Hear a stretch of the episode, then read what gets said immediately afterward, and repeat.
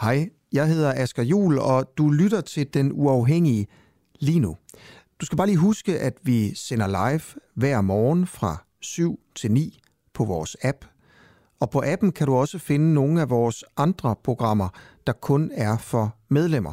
For eksempel podcasten Spionchefens Hemmelighed, hvor jeg prøver at finde ud af, hvorfor spionchef Lars Finsen er sigtet for at lægge statshemmeligheder.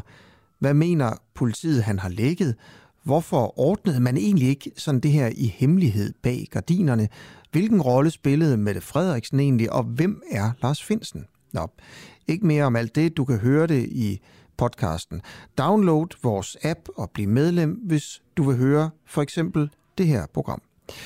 Ja, og så slipper du i øvrigt også for den her irriterende besked i din daglige nyhedspodcast.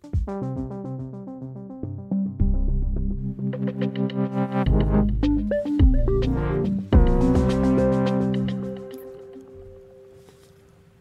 blev det tid til en, øh, en meget, meget, meget tidlig øh, fredagsbar. Uha, uha, uha. Altså, altså, min hund var ikke engang stået op, da jeg op. Altså, hold da op til, altså. Så er det altså morgenbuffet. Ja, og øh, det med... Man har jo sådan en god rå stemme her om morgenen, ikke? Det kan et eller andet, synes jeg. Øh, jamen, jeg ved godt, det lyder som om, man har været ude og holde lille fredag. Men det har jeg altså ikke. Jeg havde børnefødselsdag i søndags, og alle ved godt, når man har børnefødselsdag, det er noget, der er farligt. Så jeg er altså ramlet ind i den første øh, forkølelse, underskylder det, men vi prøver at hoste os igennem programmet. Ja, og mit navn det er Christoffer Lind. Ved siden af mig... Ja, Hvad Claus ma- Riskær, ja, det er nok mange, der godt kan, kan høre genkende din øh, stemme. Jeg skal lige sige, du havde jo også, nu sagde jeg fredagsbar, du havde det program, der hed Riskærs øh, fredagsbar på det gamle Radio 24 Ja. Øhm, ja, hvor, man, hvor man kunne ringe ind. Du talte med lyttere. Ja, Tal- tal altså, selv. Ja, ja Riskærs fredagsbar, det var nemlig et, øh, et, et rigtig, rigtig hyggeligt program. Og det gode ved det var jo, at den lå klokken 10 og ikke klokken 7 om morgenen. så det, vi har nu i dag, det er ikke Riskærs fredagsbar, men det er så morgenbuffet øh, på den uafhængige, hvor vi altså har en buffet legnet op af forskellige ting, vi skal igennem her i løbet af øh, morgenen. Forskellige emner, forskellige ting, der er valgt ud, og som vi skal prøve at få kigget lidt på. Uh, vi skal se på, på ting, der er mærkelige, tror jeg nok. Altså, altså det, det, det, der er et par ting, der vi synes, der er lidt mærkelige. Inden. Det kan godt være, at det er os, der er mærkelige, så det, det skal ikke udelukkes, men der er ting, som, som vi dykker lidt ned i. Vi, vi får besøg fra øh, en af de her kandidater i Lars Løkke-partiet, fordi at vi synes det er lidt mærkeligt, det der med, at man laver et parti og starter på 5%, og så laver man en politik, hvor man nærmest er på spærregrænsen, inden man overhovedet kommer i gang. Det vil vi gerne lige have lige snakke om fordi der er forskellige øh, ting, der kan spille ind der. Ikke? Ja, en anden ting, det er jo så moderaterne. Jeg har tænkt lidt over, øh, Claus Riske, at vi selvfølgelig også skal spørge øh, vores gæst om, det er det her med, lige nu, moderaterne, det de bliver interviewet om, egentlig også det de primært svarer på, det er, hvem de vil pege på som statsministerkandidat, hvis de nu kommer over spærregrænsen. Det er ret vildt, et parti ikke skal tale så meget om deres politik lige nu. De sidder og tale om tænkte scenarier. Jo, jo, men altså, det er jo fordi, det er et Lars Lykke-projekt. Jeg kalder det også Lars Lykke-partiet, ligesom der er Inger Støjberg-partiet. Og det er jo sådan den nye ting, der er i dansk politik, at folk er begyndt at lave deres egen partier. Det synes jeg er rigtig positivt. Mm-hmm. Jeg synes, det er en fantastisk innovation af dansk politik, der finder sted at politikere tør bryde med gamle vaner og så starte lidt for sig selv. Så er det spørgsmål, om de laver det rigtige, eller de laver det forkerte. I hvert fald er der, øh, er der et behov for at få en snak med øh, den repræsentant, der kommer for, og som du siger, Moderaterne, som er partiets navn. Ligesom Inger Støjberg-partiet jo hedder Danmarksdemokraterne, men hun har så beholdt det der slash Inger Støjberg. Mm. Det er noget, hun har stjålet fra mig. Jeg til at sige. Det er noget, hun har stjålet fra mig, fordi hun har jo fundet ud af, at det var rigtig smart, det han lavede ham der, Claus Risk her der, fordi han var på alle stemmesedler i hele landet med, det, med sit navn. Om det var i Thy, eller det var i Sønderborg, eller det var i København, eller Nørrebro, Bornholm, så stod mit navn på stemmesiden. Så det er hun regnet ud. Hun er en rigtig snu en, hende derovre, hende der Inger, er hun ikke det? Det er hun. Jeg tror, hun er en snu en.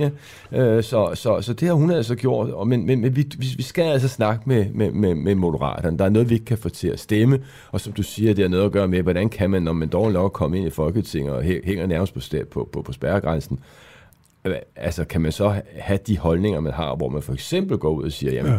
vi, vi vil slet ikke have noget at gøre med Danmarks demokrater, de skal ikke have nogen indflydelse. Og da han sagde det, Christoffer, der var det lige at sige til mig selv, men hvad fanden vil han gøre, hvis, hvis Inger Støjberg siger det samme, og siger, ved I hvad, I kan glemme Lars Løkpartiet. Altså, det er da mm. noget større problem. Jeg tror, man skal passe på med det der med at, at, at, at udelukke noget i politik. Det er jo noget, hvor man skal, man skal møde hinanden. Så det, det glæder vi os til. Det ser mærkeligt ud. Der er også noget andet, der ser mærkeligt ud, Christoffer, vi skal kigge mm. lidt på. Øh, og der har vi jo, øh, der har vi jo vores ven øh, Peter Vigo øh, på en linje, ham fra Forsvarsakademiet, ja. øh, fordi vi skal diskutere, øh, vi, vi skal altså lige have vendt Ukraine. Nu var det sådan her i løbet af ugen, at der kom en, der var et stort møde igen med, med, med, med Joe Biden. Altså, kan den mand overhovedet stå op efterhånden? Altså, for fanden, det virker da som om, han nærmest bliver båret frem, gør ikke det? Jo, han, øh, han ser lidt, øh, han ser lidt slidt ud. Han ser lidt, øh, han er rough on the edges, som man siger. Ja. Ikke? Til gengæld synes jeg også, at kan se, når han lige putter de der solbriller på, og han kan også se meget cool ud, synes jeg faktisk. Jo, men altså, det, det, det, det, det, er, øh, det er et meget godt trick, men, men, men, men, men, men han virker virkelig som om, han bliver sådan sat i sådan, det, han mere lige om de der gamle generalsekretærer, vi havde i kommunistpartiet, der sådan blev stavet op, og så kunne de lige sige et eller andet, de havde på en teleprompt, og så blev faldet ned af stolen igen. Øh, med fred være med det. Øh, der har været møde med ham og et par andre af de store statschefer, vi har øh, statschefer her i Europa, og de har været ude og bekræfte deres, bag, øh, deres øh, støtte opbakning til Ukraine. Øh, det fik vi her for et par dage siden. Men det gør altså, at vi herinde i morgenprogrammet på Morgenbuffeten, der sætter vi så lige en lille, øh, lille ret over her, hvor vi siger til os selv, øh, og det er det, vi skal tale med ham, der Peter Viggo om, han er så klog, fordi han ved alt om det her nemlig. Men der skal vi spørge ham egentlig, hvad er egentlig exit? øh, på den her sag her. Altså, det er meget fint med krige og, mm. og, og, og tropper og penge og alt muligt andet, men altså, hvad er egentlig exit-strategien? Fordi det begynder for mig at, at fortone sig lidt. Og så der har jeg det i hvert fald sådan, Kristoffer, at øh, jeg, altså, jeg kan godt huske, at man gik ind i, i Afghanistan, og det tog os altså 20 år at komme ud igen. Øh, og Irak var bestemt ikke nogen succes heller, øh, hvor vi også hang derinde, jeg ved ikke hvor lang tid. Så øh, jeg kunne godt tænke mig at vide, hvad er egentlig the way out? Øh, altså, ja. Forventer man, at man vinder en krig, eller, øh, eller hvad er det, man forventer? Er det realistisk? Og hvis ikke man kan vinde en krig, Øh, har vi sådan en rigtig politik til ligesom at omfavne det her og finde forhandlet løsning, eller laver vi konflikterne større og større?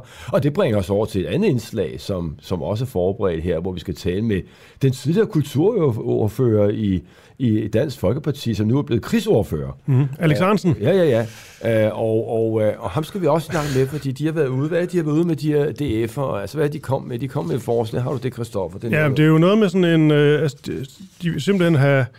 Alex Hansen, han er her Altså, de vil have mange flere mænd i, uh, i, det, i det danske militær. Flere værnepligtige. Udvide værnepligten fra fire måneder til minimum ni måneder. Og det med værnepligtige, de vil altså femdoble antallet af værnepligtige. Ja, og det, og det, og det, det er fint nok, det skal vi snakke mere om. Kvinder skal også i værnepligt. Ja, jamen det, ja. det, det, det er på tide. Uh, jamen, der er jo ligestilling. Uh, hvad hedder det? Uh, og også non-binære.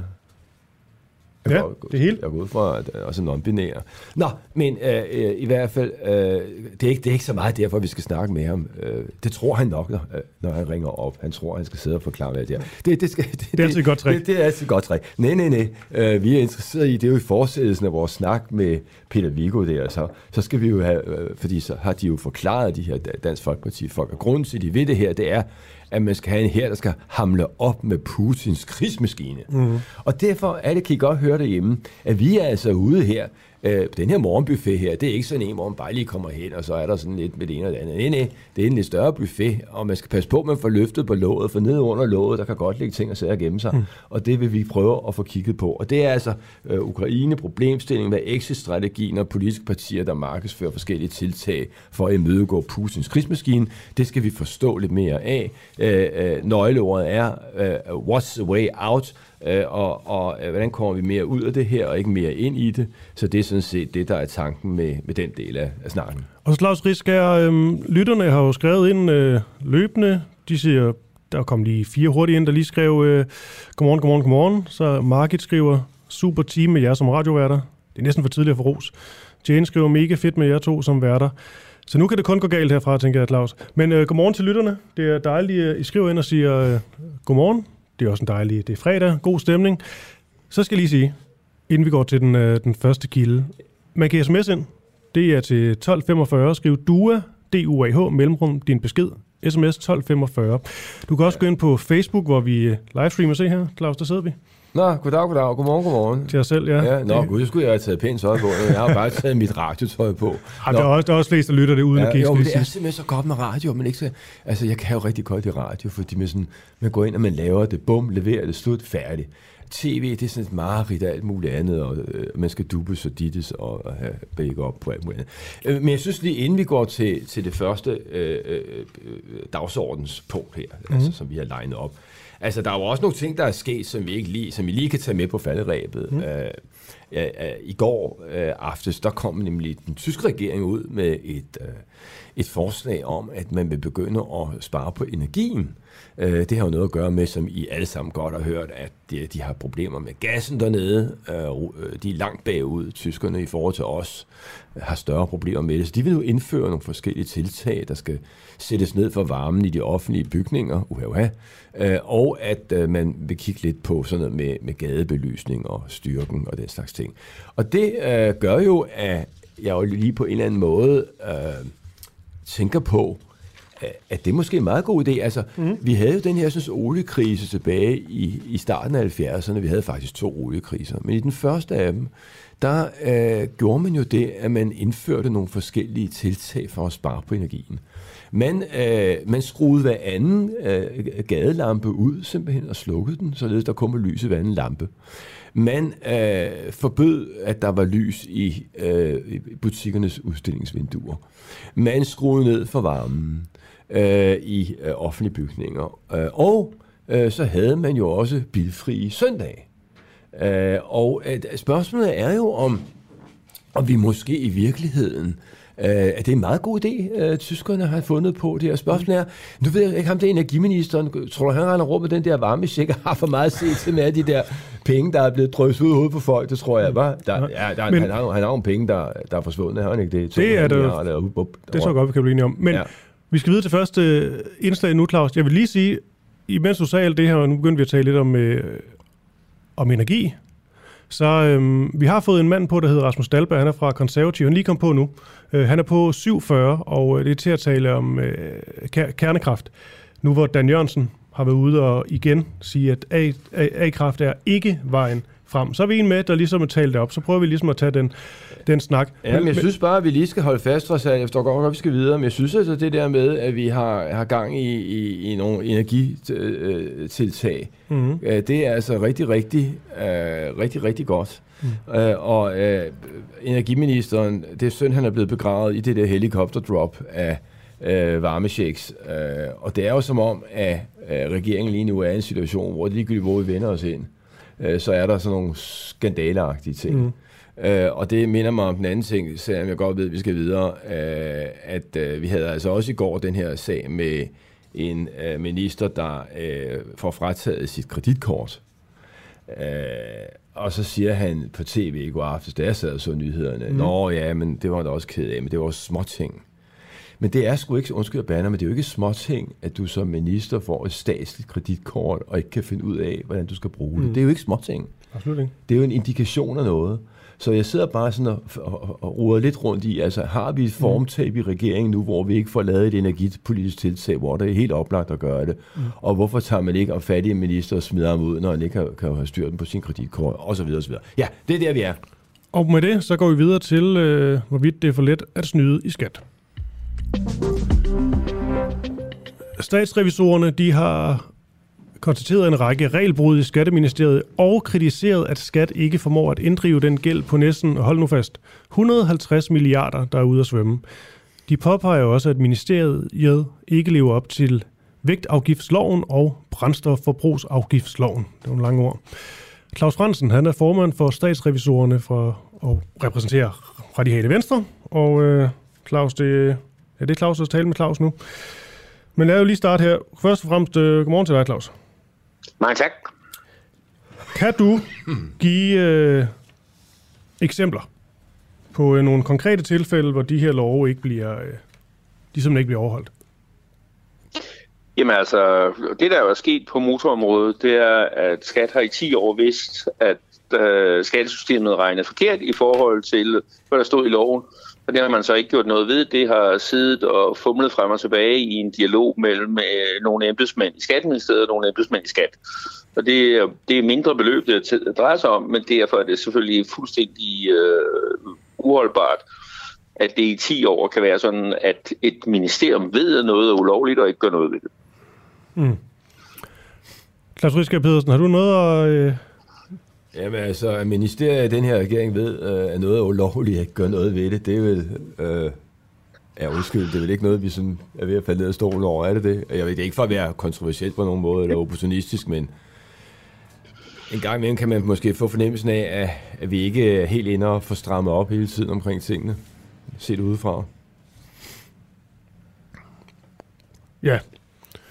Øh, så, så, så, så er der beløbene, øh, som er øh, ganske store. Men, men jeg ved ikke, øh, Claus Frejse, de her beløb her, øh, når vi taler persongæld, er, er der ikke temmelig mange af de her øh, debitorer, som, som er øh, skadeslidte i, i enhver henseende? Altså folk, der er socialt udsatte og øh, udfordret på forskellige måder. Så man kan sige, inddragelsen af dem jo, hvis vi, vi sad i en, i en altså forestil dig, at vi sad og så på det her som kuratorer i konkursbo eller et eller andet. Vi med så ikke opgive inddrivelsen simpelthen og sige, det, det giver ikke mening det her. Jeg tror mere, du skal tænke på det, som om du sad i kreditafdelingen i en bank. Og så i den her gruppe af de 120 milliarder, der er alt. Altså, der er helt almindelige borgere, der øh, bare øh, øh, overser regningen, fordi de ved, at der er en chance for, at man slipper afsted med det. Det er den ene gruppe. Der er en anden gruppe, hvor skat på grund af de systemproblemer har simpelthen ikke fortalt folk, hvad de skylder. Så der er en del af gælden, hvor borgere simpelthen ikke er, de ved godt i et eller andet sted i deres baghoved, de skylder noget, men der er der ikke nogen, der har fortalt dem konkret tal, så gør man ikke noget. Og så er der nogle socialt udsatte, som du siger, der i gælden i virkeligheden burde eftergives.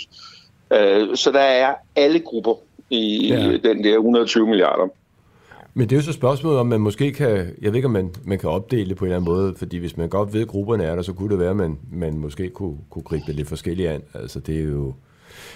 Øh, vi det har jo folk, som har, har gammel gæld, der er 10 og 20 år gammel, øh, tidligere konkursramt, og sådan, jeg kender jo selv problemstillingen, altså hvor der ligger noget, der er fra 2000 eller 1997 og sådan noget. Altså, det, det er jo et spørgsmål om, om man måske i, i nogle situationer må vurdere, øh, jamen, altså, er det inddriveligt? Øh, øh, er der et formuegrundlag i dag, der har sammenhæng med, med det formuegrundlag, der var dengang gælden opstod. Det gælder formentlig for en række, række selvstændige erhvervsdrivende, sådan noget, som hænger i det system. Jeg vil tro, der er en del af dem. Altså det, der jo er problemet, det er, at Skats IT-system har været så dårligt i 10 år, at man har mistet overblikket over lige nøjagtigt det, du siger der. Fordi når man skal kunne lave sådan en vurdering, så skal ja. du kunne over, så skal du kunne overkomme og lave individuelle vurderinger. Og ja. problemet er, at bunken er blevet så stor, at det er blevet uoverkommeligt i et vist omfang at lave den personlige vurdering. Ja, det så det er der, ja. det, vi, skal, vi skal jo hen i den situation, hvor, hvor det kan overkommes igen. Fordi du har fuldstændig ret. Der, her, hvor skatsystem kom i gang igen, der har man jo så lavet en række udlæg og der er der nogle eksempler, hører jeg, hvor man har været ganske hårdhændet, fordi man simpelthen ikke har tiden til at lave en ordentlig individuel vurdering. Så der er også nogen, der er kommet i klemme i det her forløb med skattesystemet. Men Claus Frans, jeg har det sådan, at, at da jeg voksede op og sådan noget, det kan, kan du også lidt genkende til, jeg er sikker på. Der, der var det jo sådan, at, at hvis man skyldte nogle penge hos skat, så, så ham deroppe hos kommunen, han vidste godt, hvem man var. Uh, han kunne godt finde på at kigge ned forbi, eller så kom man op og fik en snak, og så vidste de jo godt, uh, hvor man boede, og hvad ens forhold var. Havde man et problem, så snakkede man om det, og så fandt man en god løsning på det det den her centralisering af skat, det var jo et af Lars Løkke Rasmussens store projekter. Uh, har du en holdning til, uh, for vi kan jo godt diskutere, at du er politiker, uh, har du en holdning til, om du tror, at den her centralisering uh, måske i sig selv bidrager til at, at, at øge problemet, at vi ikke kan få, få styr på det på en eller anden måde? Altså problemet var jo, at der blev i, i den periode, hvor det blev lavet kommune for kommune, der blev der begået ganske store mængder af forvaltningsfejl, fordi mm. du havde et komplekst regelsæt, og det var så nærmest individuelle gældsindkrævere, øh, ansatte kommunen, der håndterede det. Ja. Så den kvalitetsstand, du kan sige, at det var mere umiddelbart dengang, men kvalitetsstandarden var virkelig skidt. Og det tror jeg simpelthen ikke, man kunne leve med i dag, at du havde sådan decideret systematiske forvaltningsfejl. Så, så nej, jeg tror, centraliseringen var en fuldstændig uh, naturlig ting. Den blev udført helt utroligt dårligt. Altså, var I, var radikale at, med til at, at stemme det igennem? Kan du huske det? Altså, var ja, I, det, der det var, det var, men, men udførelsen ja, af den, mener du altså, at år, altså, du mener, at det er? Jamen, altså, pro- problem, pro- problemet ligger jo i Finansministeriet, ikke? Fordi du, det er i 2004, ja. hvor du laver den centralisering, ja. og, man, og man bevilger 0 i budget til at opdatere IT-systemerne. Så du skal forestille sig, at man laver en massiv flyt af en opgave, som netop, som du siger, blev håndteret lidt individuelt. Ja. Før det, og så skulle den så laves ind og laves i et formelt, struktureret, forvaltningsretligt fokuseret setup, og det bevilgede man ingen penge til fra starten. Bevillingen men, før kom først med... nogle år senere, og det var en, man skulle have lavet IT-systemet, før man lavede centraliseringen øh, hvis det der skulle være lykkedes. Ja, det er jo sådan, man normalt vil gøre det, hvis det var en virksomhed. Ja. Så, så øh, migrerer ja. man jo ikke videre, før man har et system, man har beta-testet og ved, det virker osv. osv. Øh, det er vi enige om. Men jeg vil godt lige lidt tilbage til materien i det her, fordi jeg har jo lidt den op- oplevelse af skattesystemet, at det fungerer jo øh, nærmest per automatik for, øh, nu kender jeg ikke tallet, men skal vi sige 80 procent af befolkningen, som er lønmodtagere og får deres lønchecks osv., osv., der kører øh, opkrævningen jo nærmest fuldautomatiseret efterhånden. Selvangivelserne bliver vel også nærmest lavet fuldautomatiseret. Der er vi jo kommet utrolig langt i at bruge teknologien på en god måde. Øh, det har jeg jo tidligere været ude at kritisere, fordi jeg føler, at det rammer øh, på den måde, almindelige lønmodtagere på en eller anden måde, at dem, der altid kommer til at betale for herregud, det er bare at trykke på et par knapper, så henter man pengene. Og der har jeg været sådan lidt øh, øh, i opposition til, at andre kan bedre planlægge det, og kan planlægge det væk og udnytte skattesystemer og alt muligt andet, fordi de har øh, mulighederne for det. Men jeg synes også måske, når vi så kommer til det med skatteligningen, og det er det, vi sidder og diskuterer nu, og inddrivelsen, kunne det tænkes her, øh, Claus, at man, at man i virkeligheden, at vi, vi, vi, vi, at vi har for meget på bordet, at vi måske, nu er det jo, øh, nu er det jo morgenbuffet, vi har her, Kristoffer. Og en gang imellem kan det være, at man skal sortere lidt i den og sige, det her, det tager vi væk, og så går vi ned her, hvor vi har problemer med en ret, der ikke virker. Uh, altså, er det, er det sådan, at vi måske kunne forestille os, at vi vil være bedre tjent ved at fokusere på en bestemt type af skatteydere, som vi så satte nogle meget flere ressourcer ind på og komme til bunds i? Altså, der er ikke nogen tvivl om, at, øh, som du sagde for lige tiden, det ville være hensigtsmæssigt at lave en delvis gældseftergivelse for nogle af de fordringer, der er, fordi der er mere administration i at forfølge dem, end der er i at, øh, hvad det hedder, det, det, det du kan krasse ind. Så ja, folk, Folketinget har jo forhandlet et gældsforlig her i den øh, forgangne periode, men det er simpelthen ikke færdigt. Altså der mangler simpelthen en, øh, en gældseftergivelse mere, øh, og øh, nogle af dem, der er i den bunke, det er, det er som du selv siger, mindre erhvervsdrivende. Ja. Og, og der er måske ikke samme politisk forståelse for at lave en øh, gældseftergivelse for det segment.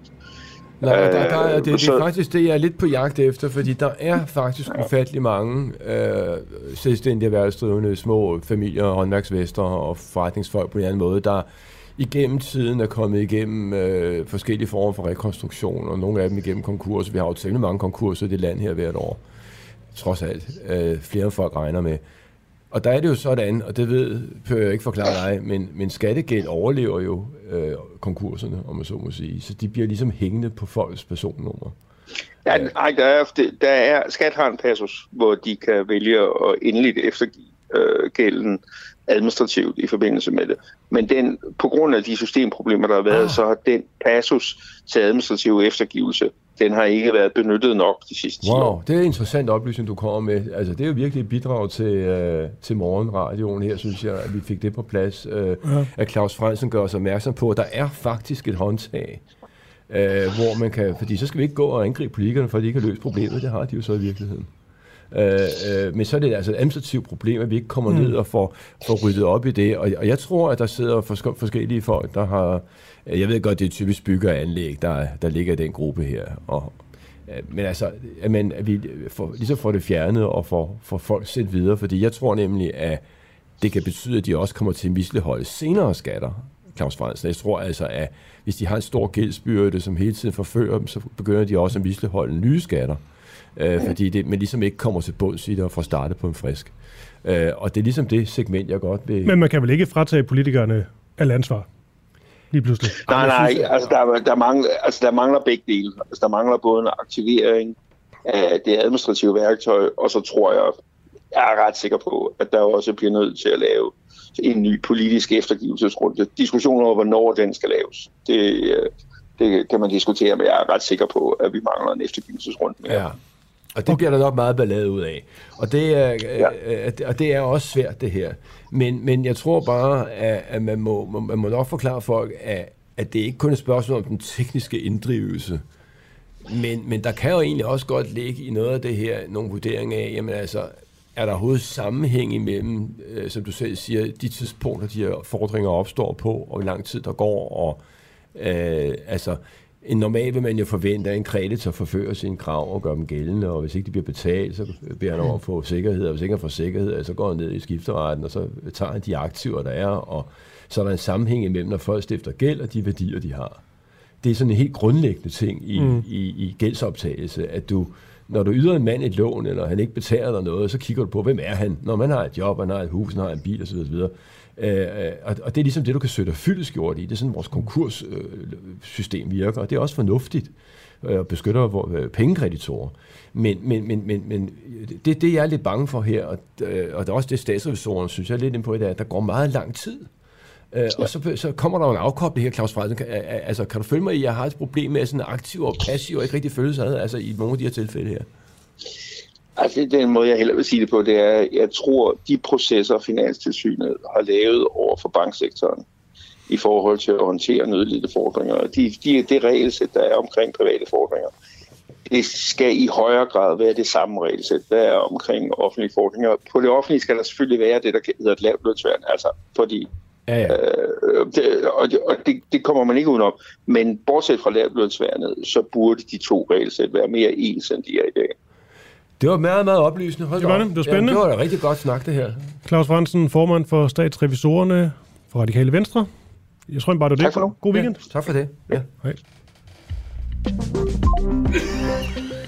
Bibidip, sagde den så. Hold da op, ja. ja, ja. Det var interessant. Ja, og... Øh, noget, at der var sådan en håndtag, man kunne dreje på, som de ikke drejer på.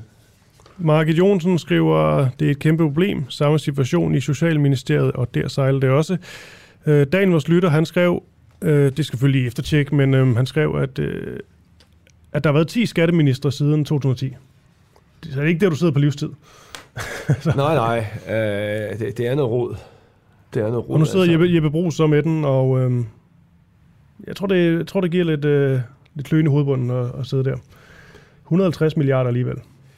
Jamen, der er noget... Øh der er noget metaltræthed rundt omkring i systemet, og det, det har vi jo lige været inde på her lidt tidligere i dag. Øh, med, ja. med en energiminister, der ikke øh, får overskud til at kigge på nogle fornuftige løsninger, så vi sparer på energiforbruget, og en fødevareminister, der i princippet tager kassen. Ikke? Mm. Øh, så, så, så det vil være rigtigt, en skatteminister, som er skiftet mm. ind for, jeg tror ikke engang 10 skatteminister kan gøre det. Er det det? Over hvor lang tid var det?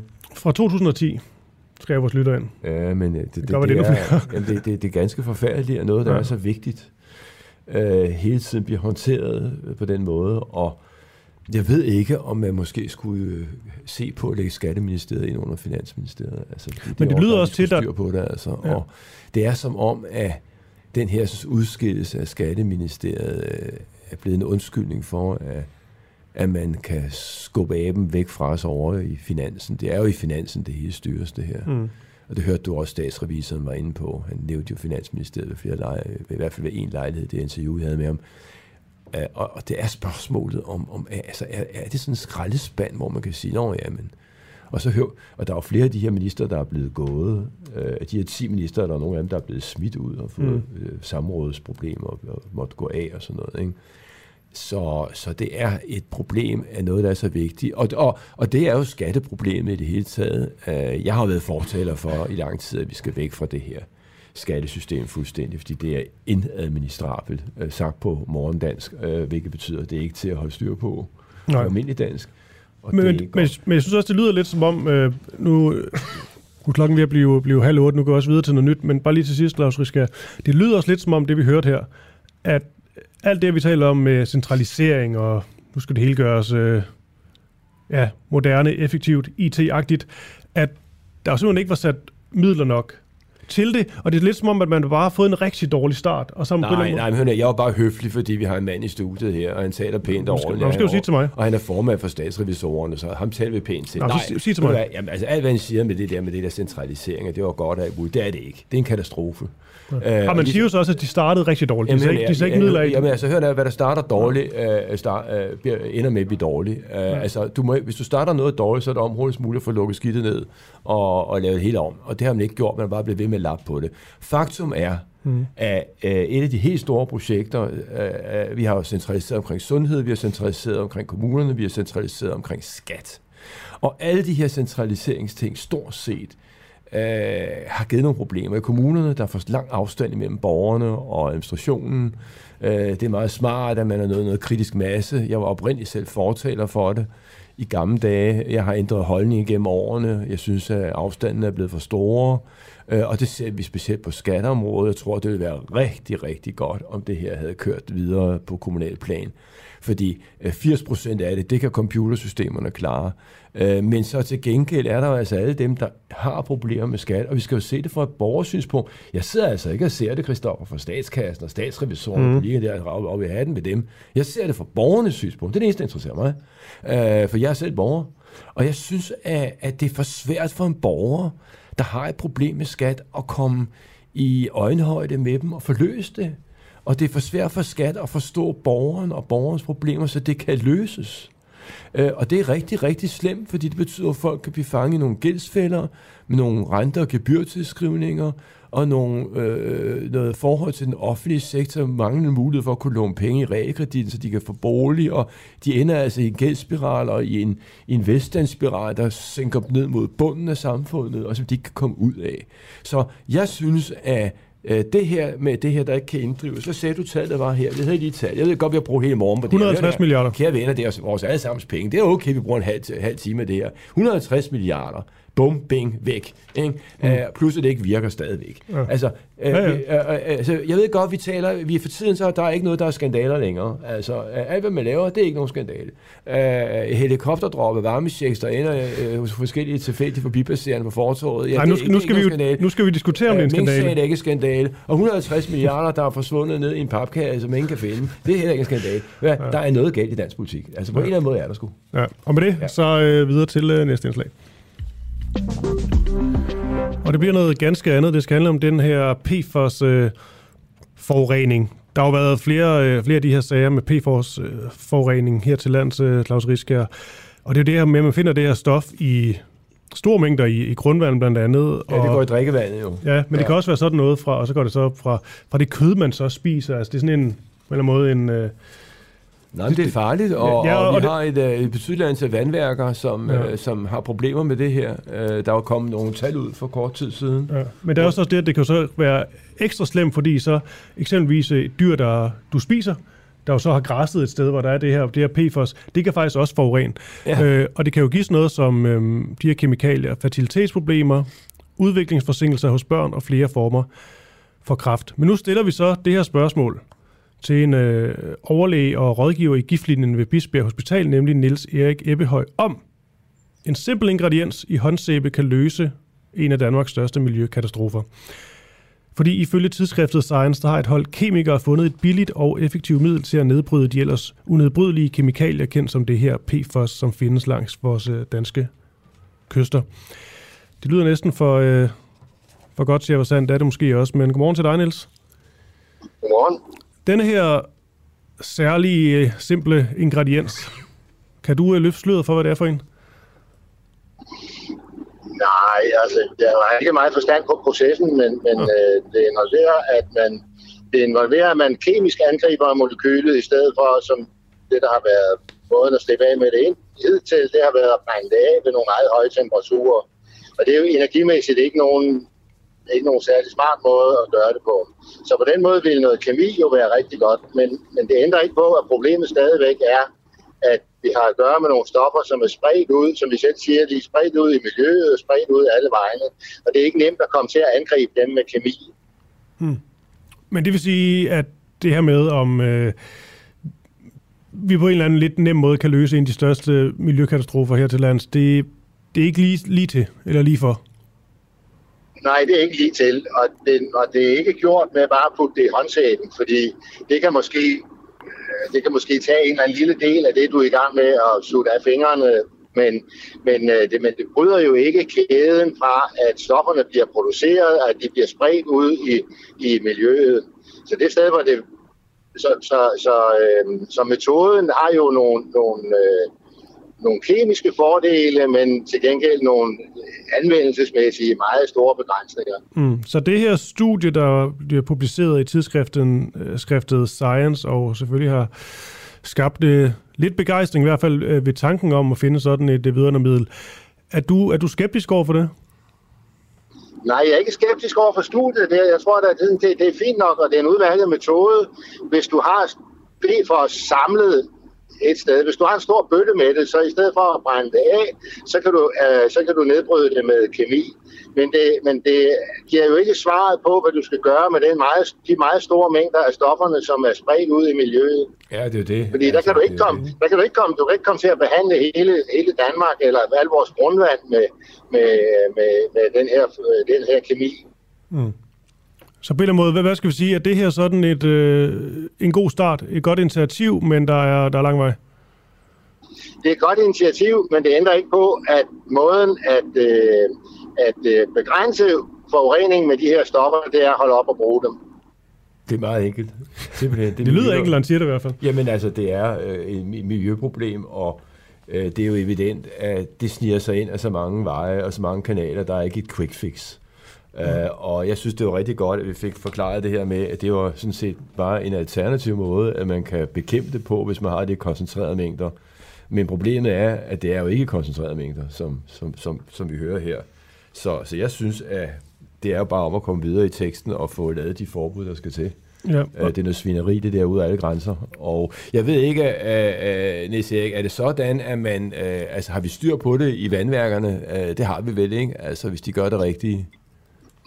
Jo, altså vi har styr på det på den måde, at øh, grundvandet bliver screenet mange steder, og, og efterhånden vel alle steder for den her gruppe af stoffer. Men, øh, men vi har ikke styr på de kilder, øh, Nej, som, øh, ja. som, øh, som giver forureningen. Og, og der er ikke nogen tvivl om, at det er spredt. Der, der findes to typer af forurening. Det ene det er nogle meget koncentrerede kilder. Det er for eksempel, som, øh, som man så det i Korsør med med øh, drænvandet fra brandøvepladsen. Og det andet, det er, at det så pludselig dukker op nogle steder på Faneø, hvor man tænker, hvor pokker kommer det fra?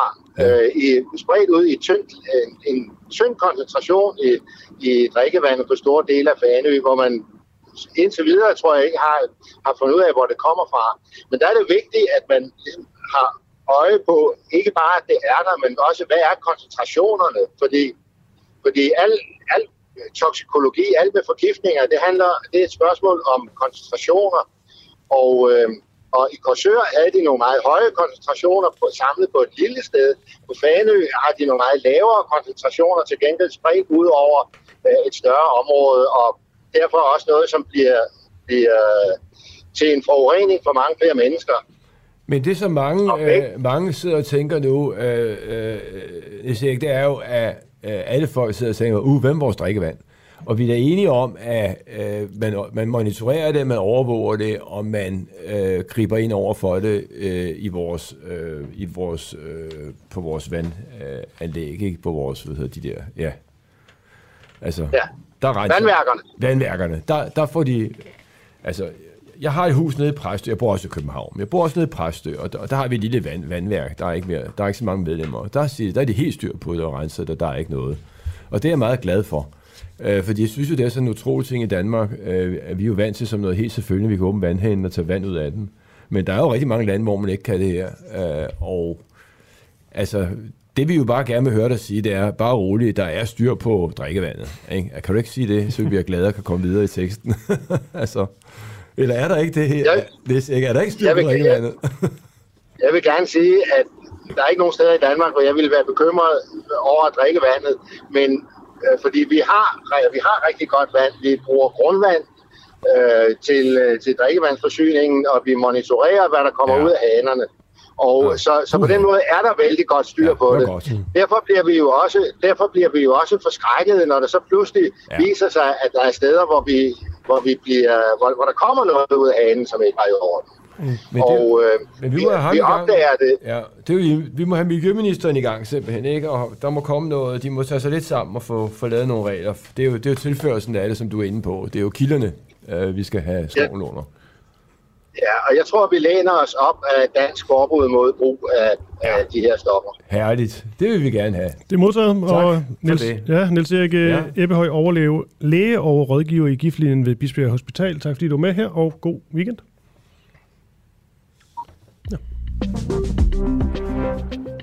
Men det var jo også en god nyhed, det her. Altså, Det var det da, det er øh, happy news, det her. øh, Vi læner os mod et forbud, og det siger en, der sidder med fingrene nede i det her. Ja. Og det er en klog mand, og det er sådan nogle politikere, der lytter til, fordi de lytter ikke til os andre, vi er bare sådan nogle skrigeballoner.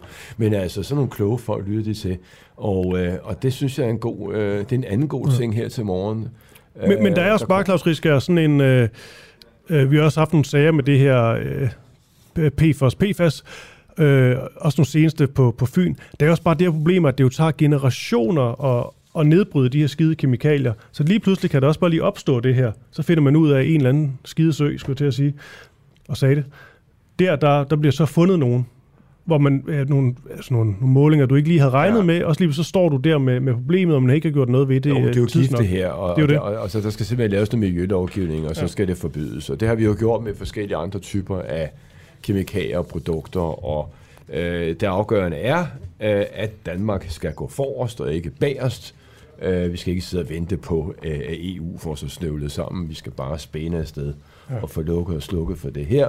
Og hvis det koster nogle penge, Ah, altså, vi har jo forløbet, at hvis vi kan bruge 2,4 milliarder på varmesæk, så kan vi for fanden også lige få cleanet det her, ikke? Må ikke det? Ja, ja, men nu skal vi heller ikke sidde og være sådan så sure hele tiden herinde. Vi skal også være positive. Så det, det er en god morgen på den måde. Det synes jeg også, vi vide, Vores skal- drikkevand er altså i orden. Vi skal ikke være bange. Vandet er godt her i landet. Det fik vi at vide, og det kan vi være glade for. Og nu er klokken blevet 7.40. Mit navn det er Christoffer Lind. Jeg sidder med Claus Risker Pedersen, som er dagens øh, gæste medvært. Det er vi selvfølgelig rigtig glade for, Claus. Og nu skal det handle om, øh, om kernekraft. A-kraft, hvad vi nu skal kalde det. Dan Jørgensen, han skrev på Twitter i forgårs, tror jeg det var, A-kraft tilhængere, se her. Så var det noget med noget kritik af et... Øh, øh, fra Frankrig og noget med A-kraft. Men pointen i og humlen hele, det er, at øh, Dan Jørgensen, han også skrev, det er, med store bogstaver, altså ikke fremtiden. Så det er altså øh, det er en klima, klimaminister her til land, som simpelthen ikke tror på, øh, på A-kraft, på trods af, at der er altså ret mange, der synes, det her det er positivt. Og i hvert fald en, noget burde øh, diskutere, om det kunne være fremtiden her, herhjemme. Rasmus Dalberg, han stiller op for de øh, konservative til et kommende folketingsvalg, og han skrev en, øh, øh, en kronik i øh, Jyllandsposten med overskriften Tiden er inde til at tage kernekraft alvorligt. Han mener også, at første skridt bør være nedsættelsen af en ny atomenergi atomenergikommission. Godmorgen, Rasmus. Godmorgen. Hvor er du henne? Jeg sidder i toget imellem øh, Bramming og Vejen på vej mod København. Det er skønt. Og jeg har jo... Så Øh, du jeg, skal, du skal, så du skal over til de københavnske salonger. jeg holder også øh, salonger i Jylland en gang. det er godt. Du er rigtig hjertelig velkommen herovre. Jo, tak. Men jeg ved nu ikke rigtigt, Christoffer, fordi jeg synes da ikke, at vi er københavnske salonger. Vi er da produktionsdanmark, sådan som vi ja, ja. arbejder her, er vi ikke det? jo, det synes jeg da. Ja. Heller ikke fine forhold, skal lige siges. Nej, nej. Men øh, øh, Rasmus Dahlberg, Dan Jørgensen, øh, klimaministeren, han siger i forhold til A-kraft-tilhængerne, det er altså ikke fremtiden. Har han ret i det? Jamen, altså, det, må, det må han jo, øh, selvom om han mener, det er fremtiden. Altså, det jeg, har, det, jeg skrev om i Jyllandsposten her for nylig, som du henviste til, det er jo, at, at jeg ved det faktisk ikke. Altså, jeg synes, jeg er sådan rimelig oplyst. Det følger jeg rimelig godt med. Men jeg synes del med, det er svært at finde hoved og hale i, uh, i kernekraft og, og uh, alt den nye teknologi, der er kommet. Og den ene ekspert siger, at uh, det kan vi godt i Danmark, og den anden ekspert siger, at uh, det skal vi ikke. Så, så det er jo egentlig derfor, jeg, jeg er jo historiker af baggrund, så jeg kigger jo tilbage og siger, at vi nedsatte en atomenergikommission i 1955, faktisk med Niels Bohr som formand.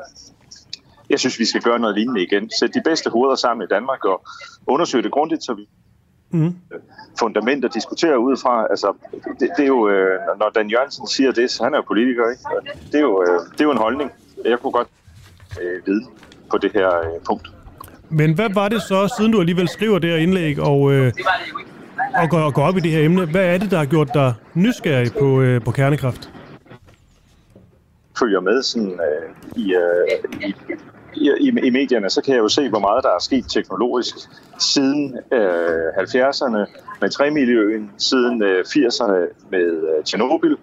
Øh, og nej, jeg er ikke øh, kernefysiker øh, eller atomingeniør, men øh, jeg kan bare se, at der er sket noget og jeg kunne godt tænke mig at vide noget mere om det. Jeg kunne godt tænke mig, at der var nogen, der samlede øh, det hele i en stor analyse og overførte det på danske forhold. Fordi men, det har også masser at gøre med øh, dansk infrastruktur. Mm. Ikke? Ja, Rasmus, nu lyder det jo nærmest, altså det er jo ikke for noget med, altså jeg ved godt, du sidder i toget, og så er man måske ikke lige så koncentreret, men det lyder nærmest som om, du stiller op for de radikale venstre og ikke konservative. at, øh, vi skal snakke, og vi skal nedsætte kommissioner og dit og dat. Altså det er sådan en radikal måde, hvor man sådan, åh, vi vender det, og vender hver eneste lille øh, miniatyrproblemstilling. Hvorfor ikke bare skære igennem? Jeg mener, at atomkraft er jo en ekstremt kendt teknologi. Uh, der er jo kommet helt nye teknologiløsninger på atomkraftområdet, der har udviklet sig over de sidste nærmest 20 år øh, Uh, så vi ændrer væsentligt ved sikkerheden af affaldsproblemerne. Ikke helt, altså der er affaldsproblemer, det er jo det, der sådan set er den store mm. anke mod atomkraft, kan man sige. Det er ikke så meget sikkerhed med det affald, ikke? Øh, så, så, men skal vi ikke bare øh, øh, tage og få sat noget, noget, noget, noget, altså skal vi ikke bare sætte noget speed på det her og, øh, og komme videre i teksten? Jamen, altså, jeg synes ikke, det er en lille problemstilling, vi bare skal øh, komme videre i teksten på. Jeg synes, øh, der er store spørgsmål, der skal afklares. Det handler jo, ja, det er en velkendt teknologi internationalt, men vi har jo slet ikke kigget på det her seriøst, siden atomkraft blev skrevet ud af dansk energiplanlægning i 1985. Så det handler jo også om de danske forhold.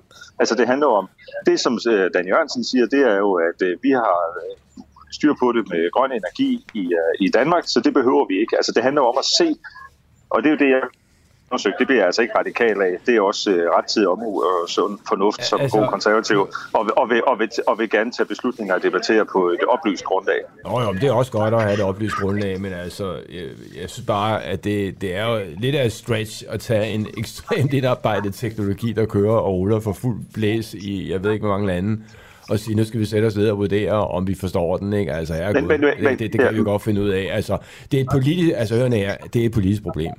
Uh, om vi vil have det eller vi ikke have det. Altså, at dykke det ned i en kommission for at finde ud af hovedet og hale på. Altså, det, det, jeg synes, det er meget svært, Rasmus, at se det på anden måde end grundlæggende politisk problem. Jeg har jo en alder, hvor jeg, jeg stod og, og var med i, jeg var jo med i de her anti-atomkraftdemonstrationer, så det var en del af hele ungdomsoprøret og en del af 68-bevægelsen og kvindefrigørelsen og øh, LGBT-miljøet og atomkraftgrupperne og alt det her. Det var et stort sammensurium, vi havde. Øh, det var et øh, øh, den historiske baggrund, øh, det er jo at øh, øh, det var antiimperialistisk. Øh, det var også Vietnamkrig, man var imod amerikanerne, og atomkraft blev set som en amerikansk, øh, skal vi sige, øh, ting i det hele taget. Altså man kan sige, det hele kom jo ind i en samlet øh, samlet diskussion af noget politisk. Det var meget politiseret. Uh, spørgsmålet er, om den politisering, vi havde dengang, og som jo medførte, at vi lukkede ned for det politiske Danmark, fordi sådan var flertallet bare i Danmark, specielt på det tidspunkt, det var dengang, vi også havde det røde kabinet og alt muligt andet, og Jørgens regering, jeg skal komme efter dig. Altså, uh, spørgsmålet er, om vi måske skulle prøve at rulle tiden lidt frem, og så kigge meget, meget objektivt på og se, kan vi lave nogle nogle, nogle relativt billige løsninger på ren energi, ikke? Øh, i forhold til, hvad alternativerne er. Ja, det er jo lige præcis det, jeg gerne vil. Altså, det er jo heller ikke, fordi jeg har tænkt mig, at vi skal øh, bruge 15 år på at lave en, øh, en kommission. Jeg synes bare ikke, vi er helt der endnu, hvor det kun er et uh, politisk problem og en beslutning, der skal foretages af politikere. Ja. Altså, jeg synes simpelthen, der er for mange ubekendte, og det handler med, i dansk energiinfrastruktur i forhold til den grønne omstilling, vi er langt frem med. Nå, det skal ja, vi jo ikke ødelægge. Det er naturligt, hvis du laver lovgivning, at der skal være lovgivningsarbejde og udvalgsbehandling, og der skal være høringssvar, og alle de processer der kan jo godt øh, løbe over et stykke tid, hvor man får indvendt tingene, uden at man decideret nedsætter en kommission. Kommissioner har det med at fungere, øh, sådan at der ikke sker noget i to, tre, fire år, og så får man en regning på 100 millioner. Øh, og når så øh, resultatet bliver lagt på bordet, ja, så øh, er man ikke blevet meget klogere. Øh, så jeg synes, at, at øh, det er en super god idé, du har med at få kigget på det. Men øh, jeg tror bare, man skal fremsætte et lovforslag, og så skal man begynde at se, om kan der samles et flertal for det, og så kommer der jo en behandling af det, øh, hvor man må se på de her ting. Jeg ved, at det er argument fra øh, Dan Jørgensen og andre, det er, at det er alt for dyrt med atomkraftværk i forhold til grøn omstilling og de her energiøer og sådan noget. Men øh, jeg er ikke helt sikker på, at det er rigtigt, fordi når vi tæller budgetter på de her energiøer, så er der altså en øh, lang række øh, kablingsproblemer og andre omkostninger, som ikke rigtig, synes jeg, er helt klare, og hvordan det er medtaget, og hvem der skal betale det, hvor der ligger kæmpemæssige investeringer. Men, øh, så, må jeg tage en ja. videre, Claus? Det er også bare det, du siger med, at øh, hvad man nu skal gøre, man bare skulle, bare skulle fremsætte et lovforslag, eller hvad det kan være. Hvad er din vurdering, Rasmus Dahlberg? Øh, nu sidder du ikke inde på borgen endnu, det kan være, du kommer det. Men hvad er din vurdering sådan i forhold til de danske politikere? Både blå og rød blok. Altså, hvor er stemningen? Jamen altså, det, øh, det er der jo rigtig mange, der går og putter med. Øh, men øh, vi kan i hvert fald se på målingerne, at der er en større og større del af den danske befolkning, som er positivt stemt over for øh, øh, at kigge på kernekraft seriøst i, mm. øh, i den danske energiplanlægning. Og så har det jo, jo med sådan at følge lidt derefter, at når der er, begynder at vise sig et flertal i befolkningen for noget, så er der også flere og flere politikere, der synes, det er interessant at, at kigge på. Og det så, kræver, at man er politiker, ja. at man så går ud med noget, der er klart og forståeligt, så folk kan tage stilling til det, og så har de en mm, holdning. Mm, fordi politik, det følger altid efter befolkningen. Politikere skal gå foran, politik ja. går altid bagved, fordi politik det er kompromiser, og man skal finde løsninger, og man skal afklare de der dat.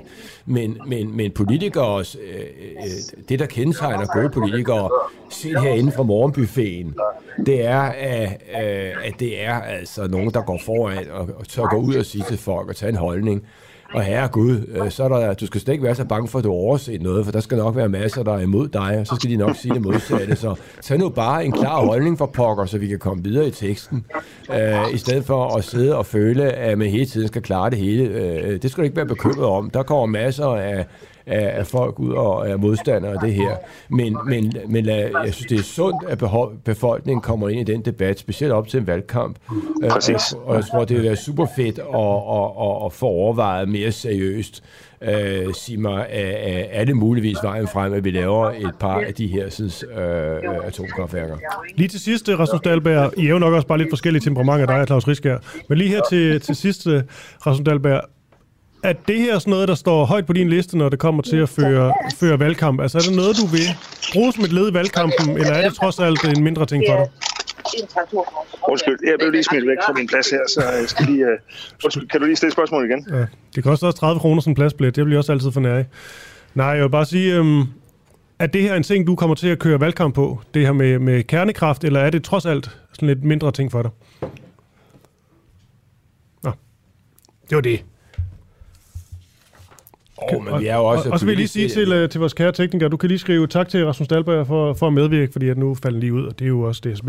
Til gengæld, okay, lyden var lidt svær til sidst, men jeg kan også meget godt lide det der med det der liv i baggrunden. Nej, det kan jeg ikke. Jeg ser mig helt til, fordi jeg kan ikke koncentrere mig om det, der er interessant. Jeg synes, det er noget møg. Ja. Øh, jeg synes, at folk de skal, de skal sætte sig i sted øh, og jeg synes, det skønt. Jeg talte med Peter Olbæk, lige pludselig startede bilen, mens vi... Om Peter, han er, han er berømt for øh, øh, den slags ting. Han spiste også morgenmad første del af hele interviewet. Så er ja. smaske der, ikke? Ja. Jo, jo, jo, jo. Men altså, der er jo nogen, der har været så meget i medierne, at der, at der til sidst ikke er nogen grænser imellem dem selv og medierne længere, og det, det, det skal man passe på med. Okay, vi skal lige, vi skal lige tage ja. en vurdering nu, Claus Risker. Klokken er 7.52, fordi om, hvis vi nu er helt præcise, så om syv et halvt minut, så er Peter Vigo med. Sådan vi har også lidt om, om Danmarksdemokraterne, vi kunne snakke om. Også nogle bånd, vi skal spille. Det er jo bare kort tid til det. Øh, og hvad med Moderaterne? Kommer de også De kommer på senere. De kommer på men det er fordi Danmarksdemokraterne, der er vi egentlig ikke nogen øh, kilde på, men vi har nogle tidlige interviews, vi har begået. Det skal sådan handle om det her med at have så stor, i hvert fald i meningsmålinger, opbakning, uden at have en politik. Det er, skal vi prøve at høre det interview for sjov skyld? Det er Asger Jul, der, be, der begår det her med øh, Hans Christian øh, Skiby, som jo er tidligere DF'er, og nu stiller op for Danmarksdemokraterne. Og Aske Juhl vil bare gerne sådan tale politik. Skal vi prøve? Vi hører. Lad mig prøve at spørge dig bare helt åbent her. Altså, hvor er det, at de nye parti mener noget andet, end Dansk Folkeparti gjorde? Eller gør? Jo, men altså, øh, jamen hør nu her. partiet har været stiftet i to måneder. Mm. Jeg kan jo ikke excellere i, øh, hvad der står øh, på side 27 øh, i et program, der ikke eksisterer. Partiet er under, under opbygning, og det betyder selvfølgelig også, at vores politik den vil ikke fra starten af være så detaljeret, som du sidder og, og, og, og synes, den skal være. Og der vil jeg bare sige, hvordan vil du selv have håndteret det, hvis du er stiftet et parti for to måneder siden? Vil du så det, kunne levere et, et færdigt uh, excelleret program? Det kan jeg fortælle dig. Det tror, det tror, jeg, det tror jeg ikke, hvis ret mange været, vil kunne. Det, det kan jeg godt fortælle dig, hvordan jeg håndterer, hvis jeg havde været dig. Så havde jeg sagt, Jamen, ja. så havde jeg sagt det ved jeg ikke. Eller så havde jeg sagt, det ved jeg godt, nu skal du høre. Ja, altså, men så, hvis jeg spørger så, dig, hvad, så er det helt åbent her. Hvad, hvordan er politisk, med politik, helt konkret politik, kan du nævne noget, hvor øh, de nye partier adskiller sig fra det gamle? Ja, men ved du hvad, jeg synes egentlig, at vi skal stoppe den her, fordi at, øh, det tjener ikke noget formål med de spørgsmål, Nej. du stiller. Jeg har prøvet at forklare dig det. Man har ikke et detaljeret politisk program Nej. i et nyt parti. Man har jo nogen det, synes jeg, det, synes jeg egentlig, det synes jeg egentlig, det burde være logik ja. for perlehøns. Ja. Og sådan, sådan er det altså bare. Og det må du acceptere, og så må du vente med spænding på, at der kommer politiske udspil fra Danmarksdemokraterne, lige så vel som det gør for andre partier. Og så synes jeg, at vi skal sige tak for i dag. Ja, det, det, hedder, ikke, det hedder det ikke perlehøns. Du kigger for perlehøns, hedder det ikke, du kigger for dværghøns. Eller er det mig, der er galt på ja, perlehøns, det tror jeg godt, man kan sige. Nå, er det det, det hedder? Ja. Er det det, det hedder? Jeg har altid sagt, du, du gik for dværghøns. Det er så, mig, der er været galt på den. Det er perlehøns. Det kan være slå lytter sikkert uh, jeg troede, det. skrive ind om. Nå, ja. Det kan også være, hvor man nu kommer fra. Ja, ja, ja. Men øhm, det her med, du har selv startet, prøvet at starte et, et nyt parti, helt fra, fra scratch alt ja. det her. Det her med, at nu de startede, ja. de har ikke været i gang så længe, Nej. han kommer fra, fra et andet parti. Det her med, så, så tæt op af det, må vi formode, øh, bliver en øh, valgkamp snart, altså ikke vil svare på det, ikke kunne svare på det, og heller ikke synes, der er nogen grund til at svare ja. på det endnu. Er det fair nok? Ja, det er det, og, og, ja. og, og du tænker for alt for konventionelt, og det gør medierne, og det gør Asger også i det interview og sådan noget. Altså, øh, jeg, jeg, jeg, jeg synes, det er meget bedre, at man, at man kommer i gang, øh, og man ikke får sig gravet ned. Øh, alternativet i sin tid blev ødelagt af, at de satte sig ned og lavede et 68 sider partiprogram, der var simpelthen kvalte partiet simpelthen i en fuldstændig vanvittig manual for, hvordan man skulle agere. Mm. Øh, Lars Lykkes projekt, hvor han jo har vist en forbavsende mangel på evnen til innovation, politisk innovation, ved fuldstændig at replikere et gammelt parti og måden, det bliver lavet på. Du er da ellers meget rosen over for dem, var du ikke? På Nå, nej, nej, ja, men jeg, altså, hør, jeg er da rosen over for muligheder. Mm. Men hvis muligheder bliver forpasset, så bliver der ikke med at være positivt, hvis man misbruger mulighederne. Øh, øh, så, så altså, jeg, jeg, jeg synes, at det, altså, det der bliver et ekstremt stereotyp, traditionelt politisk projekt med alle mulige organisationer og dit og dat og kæmpe program. Jeg synes egentlig, det er meget befriende, at man bare går ud og siger, at vi har nogle tanker, og jeg tror, det er egentlig meget vigtigt, at de kan udkrystallisere sig hen ad vejen. Altså, du skal jo gøre dig klart, mm. at det folk, de stemmer på, det er en uh, Inger Støjberg eller en Lars Løkke eller en øh, Ellemann. Ja, det kan man se i meningsmålingerne. 100 plus 10 procent. Så glem fuldstændig, altså alt det her bævl. Det i den sidste ende drejer sig om, har folk tillid til dem, der sidder og leder det. Dem, der leder de her partier, de er spilfordelere. Det er, de er dem, der kuraterer den politiske agenda. Og så skal de bare have nogle ordentlige folk med, der kan gøre det. Jeg er enig i, at da jeg lavede øh, partiet Claus Rieskær Petersen stillede op sidste valg, der gjorde jeg jo det, jeg, jeg lavede faktisk et lidt møjsommeligt arbejde, fordi jeg gjorde det, jeg fik valgt mine, de folk, jeg gerne ville lave det med, mm. og så satte vi os ned og fandt ud af, hvad skulle de være at beskæftige sig med, og så blev vi alle sammen enige om, hvad var vores politik på det område, og så skruede vi det sammen som skal vi sige, nogle bullet points, der var ret enkle og lettere at forstå, men som, havde, som var et, sådan set et politisk manual for, hvordan vi ville arbejde. Mit eget råd til Inger Støjberg var, da hun lavede det her, jeg mødte hende i en mediesammenhæng, og vi stod og fik en kop kaffe bagefter. Det var, jeg sagde, for guds skyld, Inger, der for guds skyld være med, pas på, at du ikke graver dig ned i det der. Øh, øh, så, så jeg, jeg, min, min holdning er, at det er klogt nok, hvis du gerne vil lave politik, og du gerne vil forandre noget, så giv dog plads til det. Øh, ansvaret for det projekt ligger hos Inger Støjberg. Øh, det næste problem er, hvem får som kandidater, og det skal man kigge på. Men skaber det... Det skal ja. man kigge på, men ja. om der ligger et stort manual, der synes jeg altså mm. godt, vi kan være en anelse mere afslappet. Men kan det ikke også, fordi man kan sige, når man ser meningsmålen, så det, virker det jo for Inger Støjberg, det er der jo ingen tvivl om. Men kan det ikke også være farligt ikke at klæde sine kandidater bedre på, fordi de skal jo stille op i, øh, i debat og ligesom repræsentere Danmarksdemokraterne. Jo, jo, Hvis de det simpelthen bliver- ikke ved, hvad politikken er, Nej, så er det nej. også svært. Men det er et kæmpe problem, og du kan jo huske dengang, at de lavede en ny alliance, hvor en eller anden tosse stillede op over på Fyn og forestod, at der skulle være skattefrihed for dem, der boede på Fyn, og der var et andet, der var helt tosset. Altså, øh, Det var faktisk det, jeg undskyld, Claus. Det var der jeg lidt... Altså, jeg mistede sådan lidt øh, ja. Troen på politik, da jeg så den der dokumentar, hvor man ser, hvor de sådan skal lave deres partiprogram i et eller andet køkken.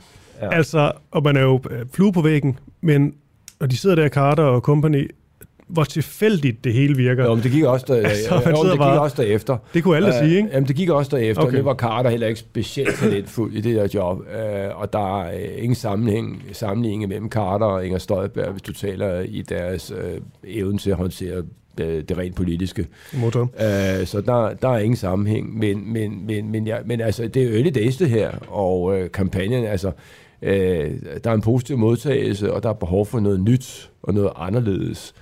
Øh, og borgerlige vælgere, som jo flokkes ind i det her nye projekt, åbenbart Danmarksdemokraterne, øh, Inger Støjberg projekt, Inger Støjberg-partiet, øh, de er bare sådan lidt på flugt væk fra noget andet, og, og øh, Lars Lykke er ikke kommet med noget åbenbart, som mange borgerlige vælgere synes i sig selv er fornyende øh, nok. Øh, og der tror jeg, de måske har en lidt større forhåbning i, i det projekt, som hun laver, men øh, det er early days, og øh, der har ikke været valgkamp, og ting kan starte, sagtens starte på, på 12 procent, og så ende på, øh, ja, det gjorde det jo for Carter, han endte jo på, han kom jo dårligt nok ind, var det ikke 3-4 procent, de fik, eller sådan noget. Så altså, øh, alt kan gå galt, men jeg synes i enhver henseende, at man skal, jeg synes i enhver henseende, at at man skal sørge for at, at, at give, give, altså give det the benefit of the doubt. Altså det er mm. godt for demokratiet, det er godt for folkestyret, vi får nye partier. Lad os lade være med hele tiden at snakke det ned, lad os snakke det op, og lad os tage fornyelsen og synes, den er positiv. Hej, du lytter til Den Uafhængige på podcast. Husk, at du også kan lytte med, når vi sender live hver morgen kl. 7. Download vores app, Den Uafhængige, og tryk på play-knappen. Det er helt gratis. Alright. Nu skal det til, øh, til krigen i, øh, i Ukraine, og vi stiller jo egentlig bare spørgsmålet, om Danmark egentlig har en øh, exit-strategi for denne her krig i Ukraine. Det var der jo ikke rigtigt. Måske var der, den virkede så ikke særlig godt i Afghanistan, og vi så jo også, øh, det var jo ikke bare Danmark, det var jo ja, særligt USA, altså det grimmeste exit, man har set. Det var simpelthen, øh, det var ikke kønt, i hvert fald ikke siden, øh, siden Vietnamkrigen. Så spørgsmålet er, om der er sådan en exit-strategi, og vel også, Claus, hvad, hvad tankerne ligesom er, hvis... Øh, Har vi Peter Viggo med på linje nu her? Ja, det skulle meget gerne være.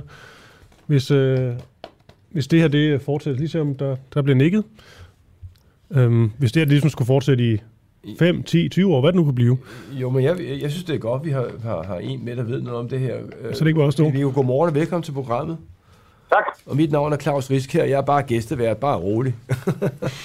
øh, men men, men øh, det, det er faktisk mig, der sagde, at jeg godt vil høre, om vi kunne få en slud om det her, fordi det er jo øh, det her med, med, med Ukraine, og du ved, nu var der jo et nyt topmøde her i løbet af ugen med nogle, nogle statschefer, der bekræftede og tiltrådte den støtte, øh, de giver til Ukraine. Og øh, øh jeg ved ikke, om du kan huske, øh, øh da George Bush senior øh, havde lavet Desert Storm dernede i Kuwait, og øh, han ligesom blev presset for, at man skulle rykke videre ind og få ryddet op i Irak en gang for alle.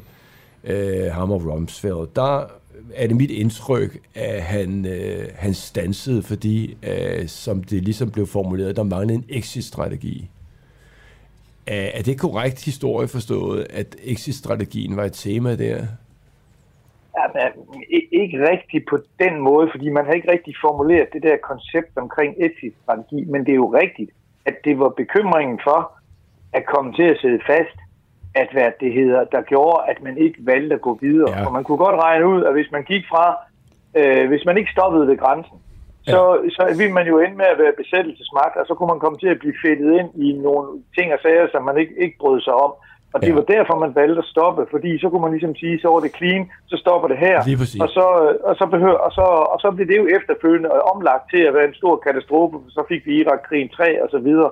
Men i samtiden og i årene efter, der så alle det som værende den rigtige beslutning at stoppe i gåsøjne, mens lejen Ja, ja. er god. Nå, det så, skulle man ikke til at være, så skulle man ikke til at være besættelsesmagt, og så, kunne man, og så vidste man også, hvor grænserne var. Ikke? Og så lavede man en, jo en aftale om, at der var begrænsninger på, hvad irakerne øh, måtte, og der glemte man så lige at sige, at de skulle heller ikke have lov til at bruge kamphelikopter, og det, fik ja. de, det kunne de jo så men, bruge men, men, til at nedkæmpe de oprør, der kom. Men, men, men, men, bare for ligesom at holde fat i krogen på det her problemstilling, ja, cirka 10 år senere, så, så rykker vi så ind i Afghanistan, ikke? og og der bliver vi hængende i 20 år. Franskmændene og spionerne, de rykker ud efter, der er gået en 10, 10 års tid. Var det ikke i 11 eller sådan noget, de pakkede og trak sig? Jeg tror, mm. det var deromkring. Ikke?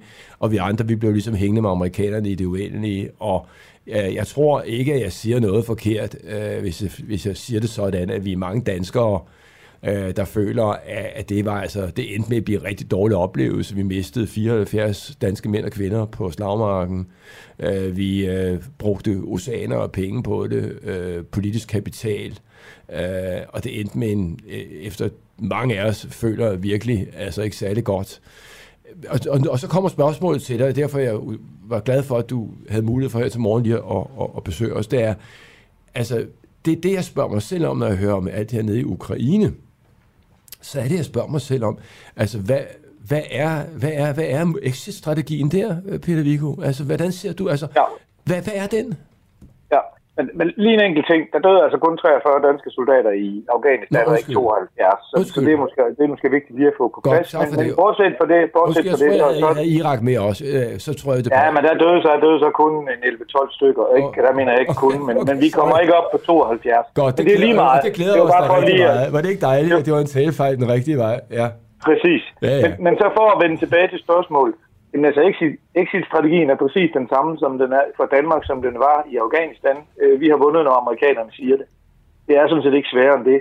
Vi går ind og, og støtter en koalition øh, af amerikanerne, og det som, det som hvad det hedder, øh, Biden har sagt, at den amerikanske exit-strategi, det er, øh, at de bliver ved med at støtte øh, ukrainerne med våben, øh, rådgivning og in- informationer, øh, så længe ukrainerne ønsker det, og så længe man er i stand til at skubbe russerne baglæns.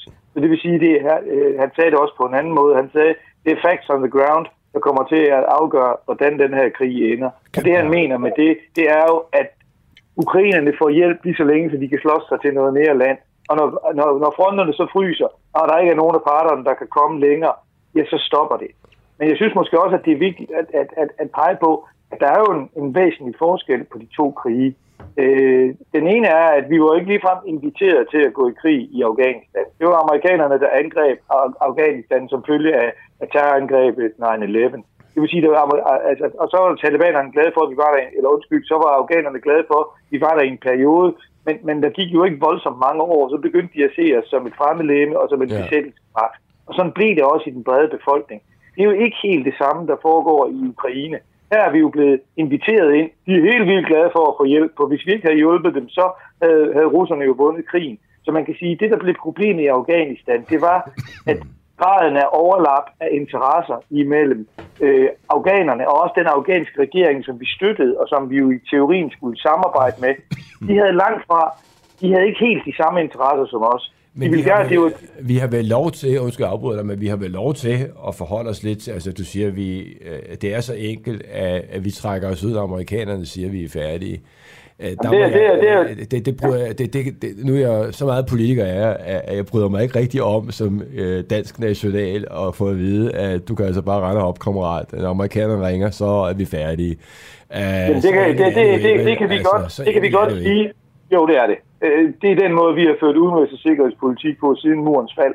Og hvis du tjekker lidt rundt på dem, der kommer til at bestemme efter næste valg, og dem, der bestemmer nu, ja. så er det deres tilgang til den Men, der krig. Nu begynder det at blive faktisk... fordi uh, nu hiver du lige præcis fat i, at sådan har vi ført politik siden murens fald i 89, og alle de her problemer opstår, altså specielt i 1991 og 92, ikke, hvor man jo får et sammenbrud af Sovjetunionen, og hvor man fra øh, hvor det er helt indlysende, der er meget stort behov for at samarbejde med, med, med, med, med Gorbachev. Øh, øh, Bush senior har brug for hans støtte, netop øvrigt til krigen nede i, øh, så vi lige talte om i Kuwait, hvor han havde brug for, at russerne nikkede ja, han skulle ind i Kuwait der øh, i starten af 92, og øh, den tysk-tyske sammenlægning, som var et kæmpe problem på grund af NATO-problemstillingen i det gamle, øh, i det gamle DDR.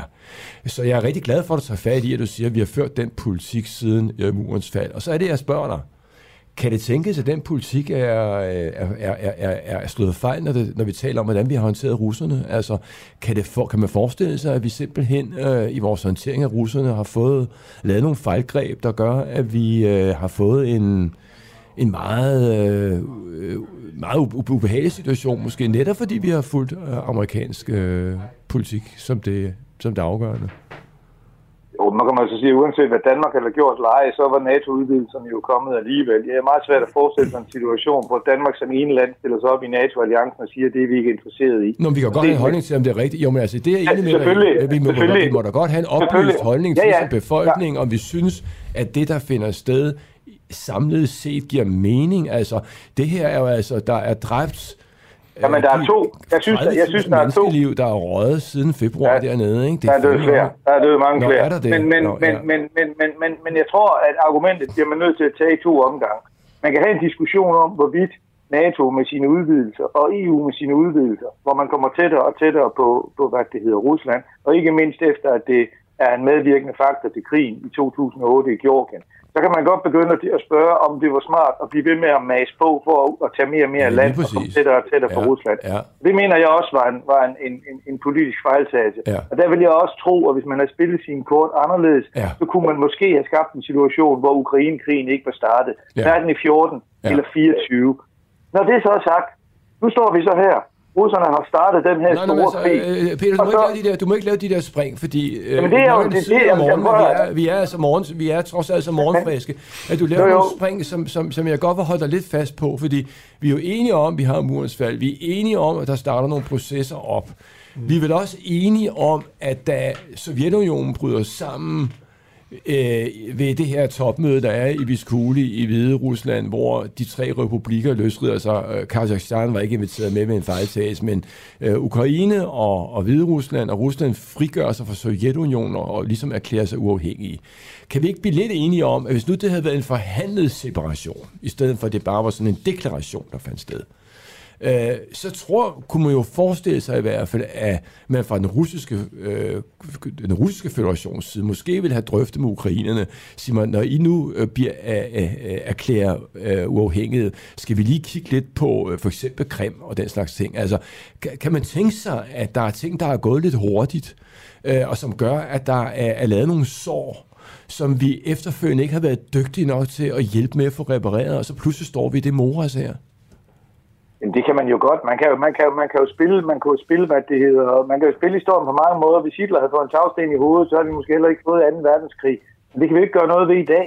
Og det er også derfor, jeg synes, man er nødt til, man kan godt kigge baglæns og sige, har vi begået nogle fejltagelser i perioden efter afslutningen på den kolde krig og frem til 14 eller 24, afhængig af, hvor du lægger skæringsdatoerne for det her øh, hvor vi måske kunne have gjort noget, vi skal lære af, så vi fremover kan undgå lignende situationer. Jo, men så er det jo, læringen ligger i, og det, altså, det er jo derfor, jeg, jeg kommer lidt i gang med det her. Altså, jeg føler jo, at jeg er involveret i noget krigsførende halløj, altså i det land, jeg er en del af. Jeg, jeg, jeg hører krigsretorik, når jeg ser ministre gå på tv. Det er jo heller ikke så mærkeligt, for der er en enorm stor krig i gang i Europa. Ja. Øh, og det, man må jo forholde sig til til gang til gang, det er, om det er i dansk interesse eller ej at bakke op om en krigsindsats. Jo, men altså, man, kan jo godt, man kan jo godt argumentere for, at det var måske for langt væk i Irak eller Afghanistan. Men man kan med også godt argumentere, eller man kan sagtens også argumentere her, at her kommer det så tæt på, og her har vi faktisk en interesse i at hvad det hedder, hjælpe ukrainerne. Ja, for hvis altså, vi giver dem våben, og de slår russer ihjel, så kommer de aldrig nogensinde til at angribe Danmark jo, eller NATO. Men, men øh, altså, undskyld, jeg fortsætter her. Det, grunden til, at du blev inviteret, var, at jeg godt vil høre, hvad exit-strategien var. Og, det har jeg fortalt dig. Jamen, jo, men, strategien det er, du, at vi bakker ukrainerne op, ja. indtil, indtil de ikke kan tage mere land. Ja, ja, ja. Det, og det, jeg synes, der bliver den mere interessante diskussion, det er, at vi kommer ikke aldrig nogensinde i den her krigsfase i klemme på samme måde, som vi gjorde i Afghanistan. Nej, nej, men du der er ingen danske soldater dernede. Der er ingen USA amerikanske soldater. Jamen, det var, jeg, hvis du lige når man bliver færdig, fordi jeg synes, der kommer en, en mere interessant diskussion, når krigsfasen er slut der også handler om exit-strategi. Fordi det, der gik galt i Afghanistan, det var jo, at vi overhovedet ikke var enige om, hvor vi skulle hen efter, at Taliban var smidt ud. Ja. Vesten havde en vision for Afghanistan, afghanerne havde godt nok en anden, og det der med kvindefrigørelse og alle mange andre vestlige ja. ting og en meget centraliseret stat, det var sgu ikke nogen blomster, der var groet i deres have. I øjeblikket, mens vi slås med russerne, ukrainerne støttet kraftigt af Vesten, der er vi stort set identiske interesser. Vi vil gerne have russerne til ikke at have noget Ukraine. Ukrainerne vil gerne have russerne til ikke at have noget Ukraine. Og vi begraver dem ikke i milliarder af dollars. Vi giver dem primært våben, som de så kan slå russere ihjel med. Og det er vil sige, de får heller ikke skam. Ja, Det forstår Men der, hvor, pro- godt, Peter der, hvor problemet kommer, det er, når krigen er slut. Ja, og vi men- så har lovet med Ukraine, det. EU, EU-partnerskab og så videre, så får, kommer vi ind i at skulle til at ændre på samfundet, vi skal ændre magtstruktur, vi skal fjerne korruption, og så begynder det at lugte af Afghanistan. Ja, vi kender alle de her buzzwords, og vi er enige i dem. Altså, vi er enige i, at vi alle sammen ved godt, hvad det er, vi gerne vil i samarbejde med Ukraine. Det er en meget stor forskel. Uh, og vi er enige i, at de jo ligger tættere på end Afghanistan. Og man lige kan kalde Ukraine europæisk og sådan noget, det synes jeg nok er en diskussion. Hvor er det egentlig, Europa starter og slutter? Der er nok mange af os, der mener, at en, den vestlige del af Ukraine var europæisk. Den østlige har aldrig nogensinde rigtig været det. Men det, det jeg vil ikke hive det langt ind og diskutere 200-300 års historie omkring Ukraine. Det er ikke der, vi skal hen.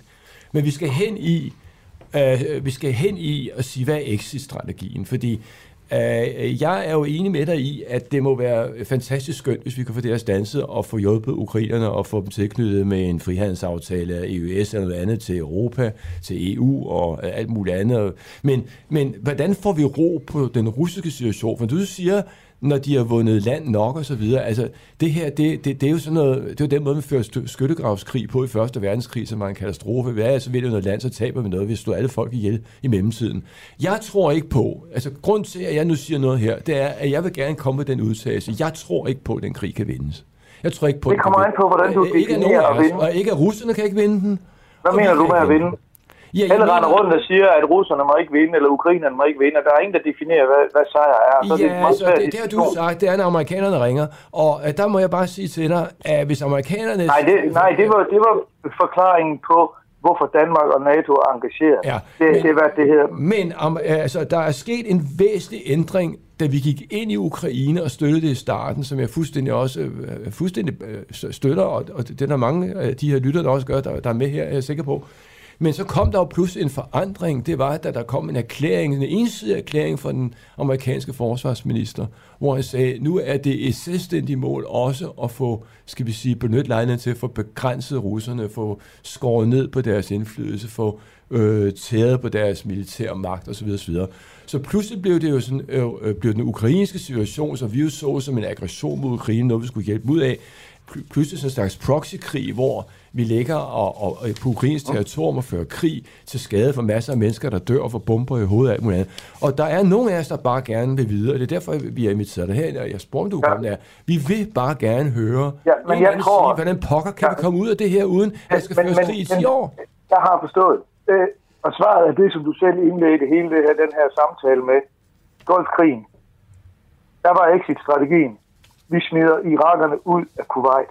Den amerikanske exit-strategi, eller deres maksimale mål for den her krig, det er, vi smider russerne ud af hele Ukraine. Ja, men det, det, det, det vil er altså også godt. sige både Jamen, Krim altså, og Donbass. også, jamen, Nå, men- Rusland, er, men- Rusland er jo for pokker ikke Irak, vel? Altså, det er jo, det, det, det er jo helt åndssvagt. Altså, tænk på mange, mange Og, millioner og det er jo derfor, Russerne det er vandt jo hele derfor, verdenskrig med 6 Biden- millioner døde soldater. Altså, hvordan, Præcis. Ja. Og det er jo derfor, Biden har sagt, at det bliver facts on the ground.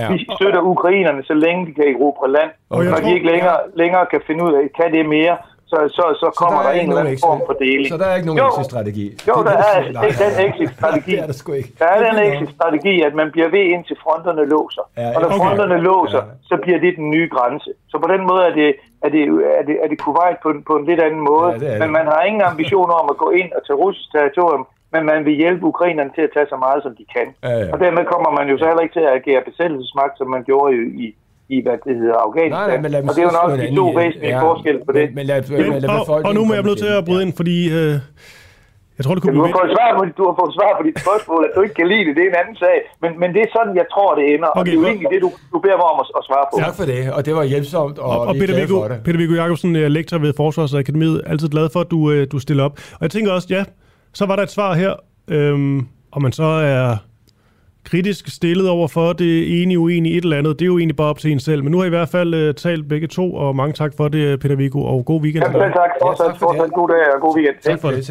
ja. Nå, så, øh, så fik vi varmen. Det var dejligt. Vi skal tale med øh, Lars... Det er ikke nogen lille ting, det her. Nej, overhovedet ikke. Altså, det kan jo ikke være meget større, vel? Altså, folk det- det, det det. ihjel hver dag for vores penge. Det er da fantastisk spændende. Det er det ikke det. Ja. Men vi skal så må videre teksten, fordi uh, Lars Arne Christensen er på linjen. Han er kandidat til Folketinget for Moderaterne i, uh, i København. Og man kan sige, der er jo mange spørgsmål, vi, uh, vi kan stille Lars Arne. Det kommer vi sikkert også til. Jeg synes, et af dem, der er interessante, det er, hvorvidt Moderaterne på sin vis måske kan udspille sin rolle på forhånd, hvis simpelthen ikke at ville samarbejde med Inger Støjberg.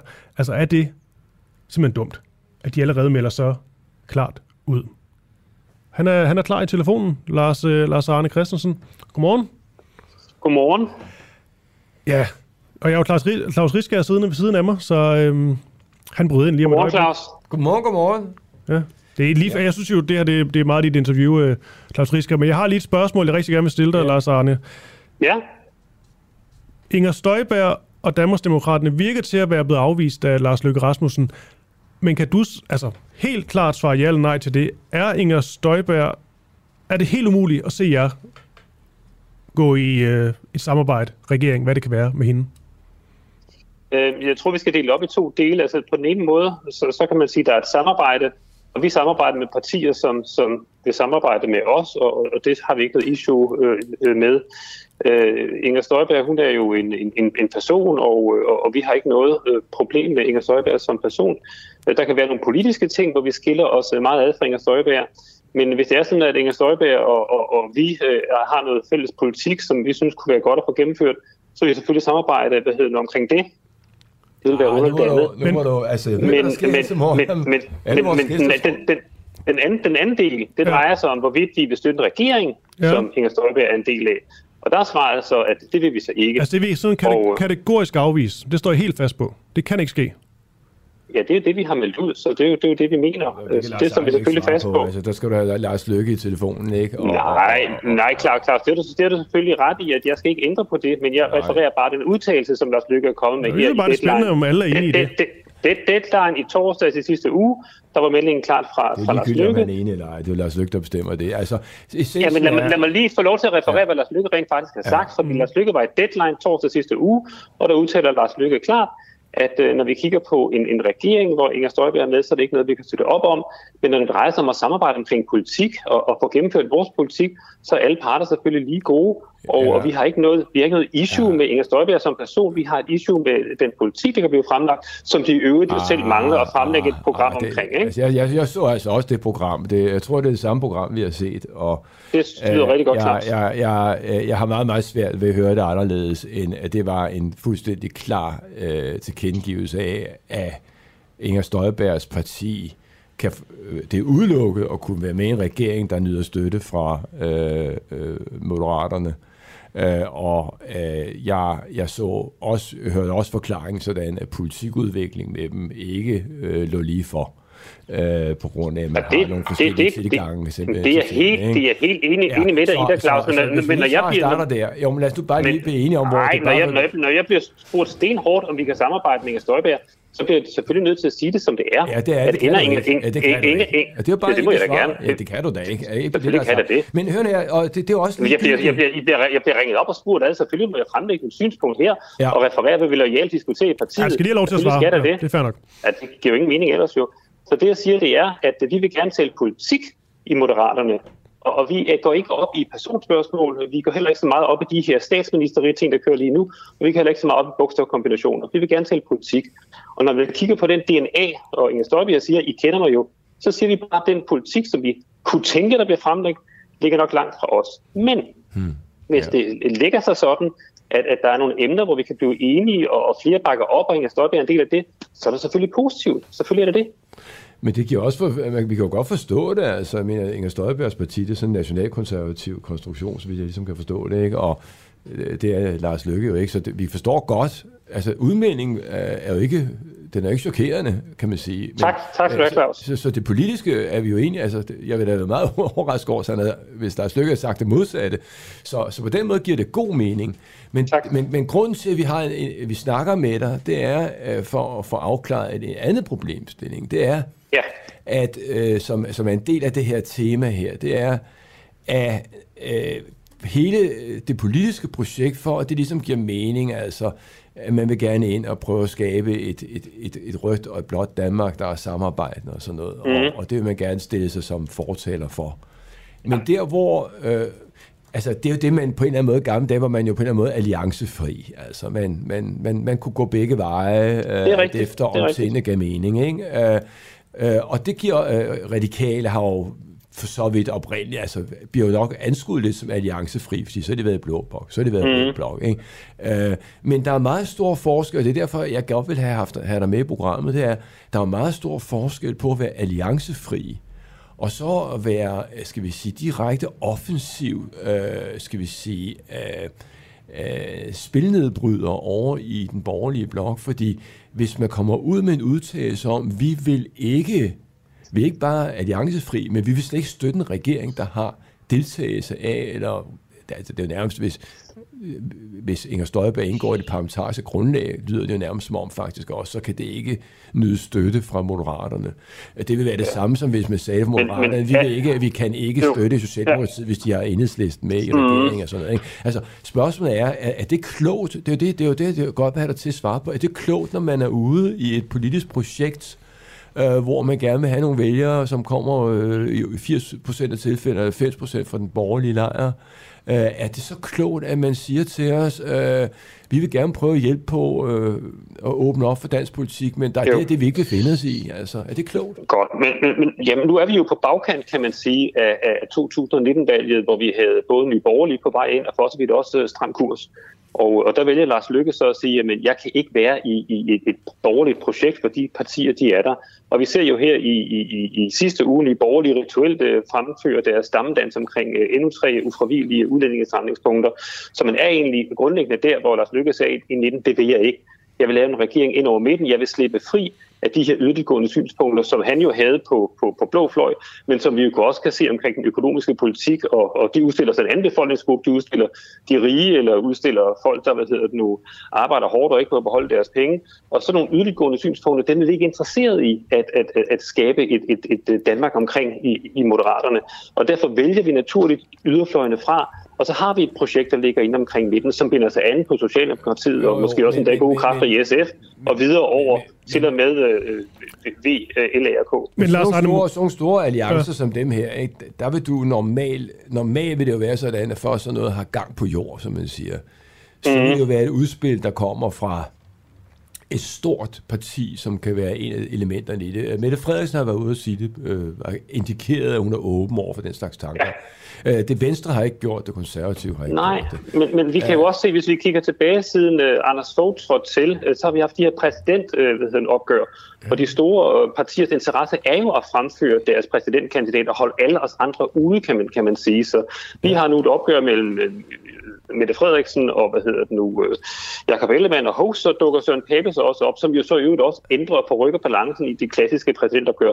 Det synes vi faktisk ja. er godt. Men er det så, Så- så vi vil gerne- Jamen, jeg forstår godt, hvad du siger, men er det så interessant, hvad Tak. I gerne vil, når I er et parti, der ligger mellem 2 og 3 procent af stemmerne, altså 4-5 mandater? Altså, I, I, har da inviteret mig ind, I har da inviteret mig ind her for at snakke om det, så Nå, et men eller andet sted må det jamen, det er jo, jamen, det er jo fordi, grunden til, at du bliver inviteret ind, det er jo fordi, at vi sidder, eller jeg sidder med sådan en snærende fornemmelse af, at, at vi har sådan en slags øh, skrivebordsprojekt med nogle idéer, som jo slet ikke kan frugtbart gøres med, øh, med mindre, at man kan gisseltage folkestyret, fordi man har fået forbandet fem mandater. Nej, det giver, Nu- nu- det, nu- der er ikke nogen det gisseltagning i det det her. nu er det- det vent, mig, der taler kør, ud. kør, kør, Claus. Nu er det lige mig, der taler ud.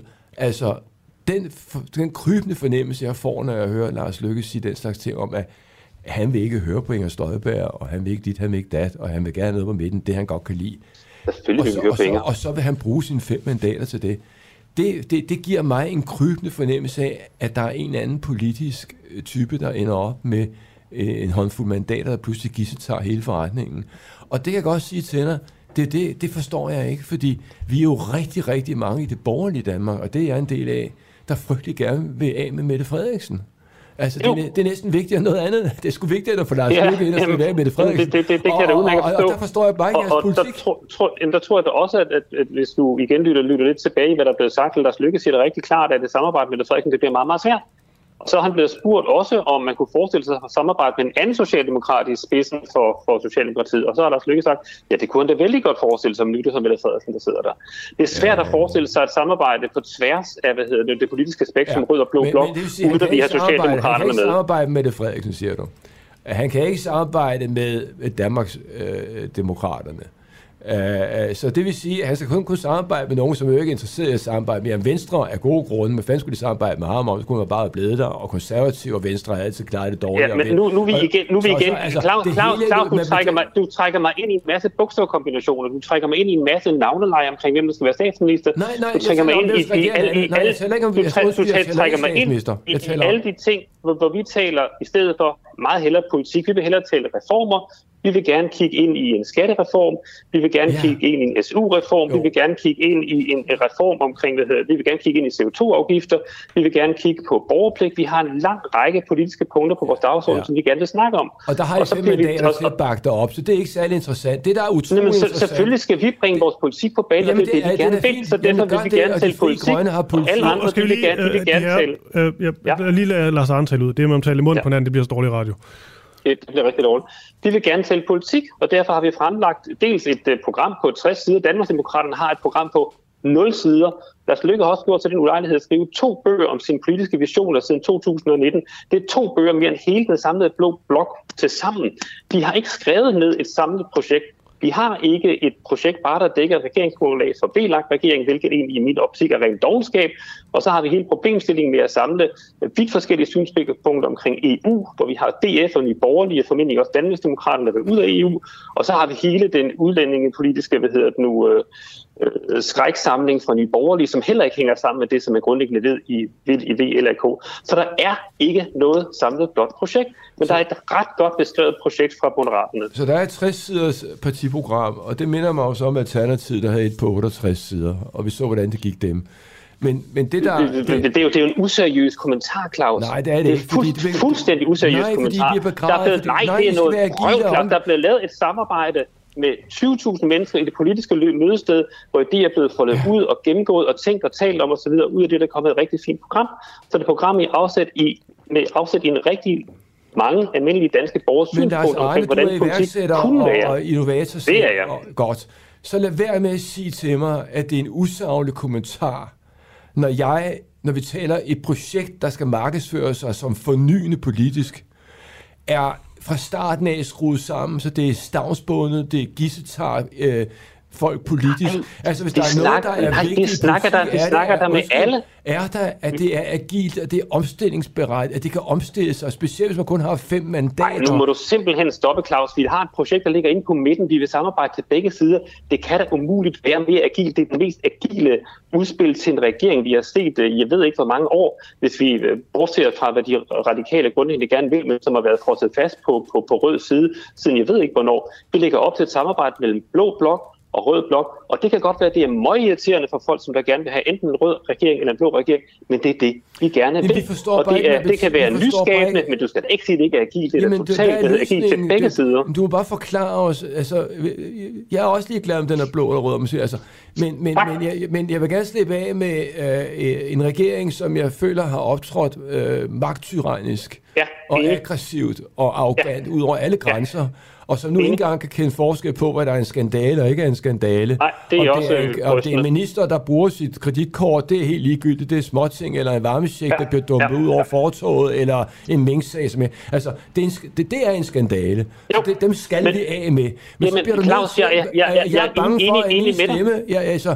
jeg vil jo normalt have stemt på sådan en som Lars Løkke, jeg, jeg, var, mm. næste, jeg var i sidste valgkamp, var jo nærmest den eneste, der pegede på ham til sidst. Han, han ja, og, du, og du havde et, du havde superspændende projekt i sidste valgkamp, præcis. øh, og, og jeg vil da normalt have stemt på ham, men det, det gør jeg ikke, og jeg siger det nu, fordi mm. jeg er skidehammerne bange for, at jeg ender med en eller anden fuldstændig vanvittig situation med, at han jo. går helt amok, og han skal bestemme det hele, og, og det eneste, mm. ender med, det er, at det lander på en eller anden måde over i rød lejr, øh, og Mette ja. Frederiksen dukker op igen, og det vil jeg simpelthen ja. overhovedet ikke risikere, så vil jeg hellere slippe af med mm. Lars Lykke, hvis, det, hvis jeg samtidig kan slippe af med Mette Frederiksen.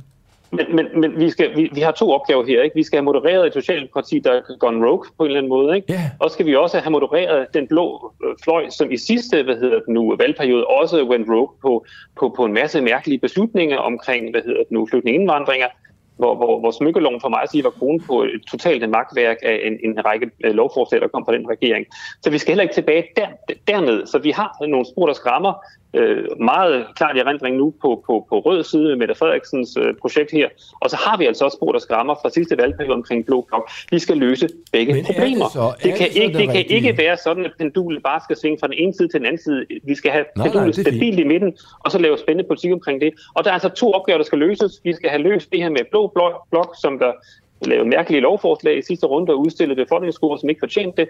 Og så hvad hedder det nu, Mette Frederiksen, der har ødelagt en hel minkerhverv. Det skal vi også løse. De har to problemer, vi skal løse. Vi løser ikke problemet ved at springe tilbage i den anden grøft, som var galt sidst. Men så er der jo lige det her, som min medvært var inde på. For du sagde du lige selv det her, at vi skal jo prøve at række ud og finde folk i blå blok. Så. Ja. Men er det så klogt, når man nu lige tager alt det andet og de fem mandater, jeg har, og vi mm-hmm. have Mette Frederiksen ja. og et stort samlingsregering, så starter man med at gå ud og tage et helt nyt parti, som er lige, lige så nyt som jer, som står til 12 procent i meningsmålingerne, ja. og sige, fuck ja, yeah.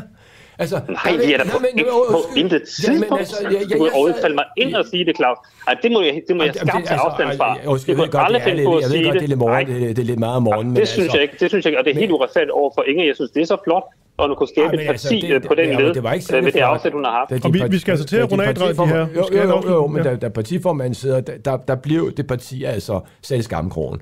Øh, øh, jo, jeg vil da, jamen, nej, det, politisk, politisk, politisk har, har vi nogle forskelle, hvor helt er et anderledes ja. end vores, så det må være fair at sige det.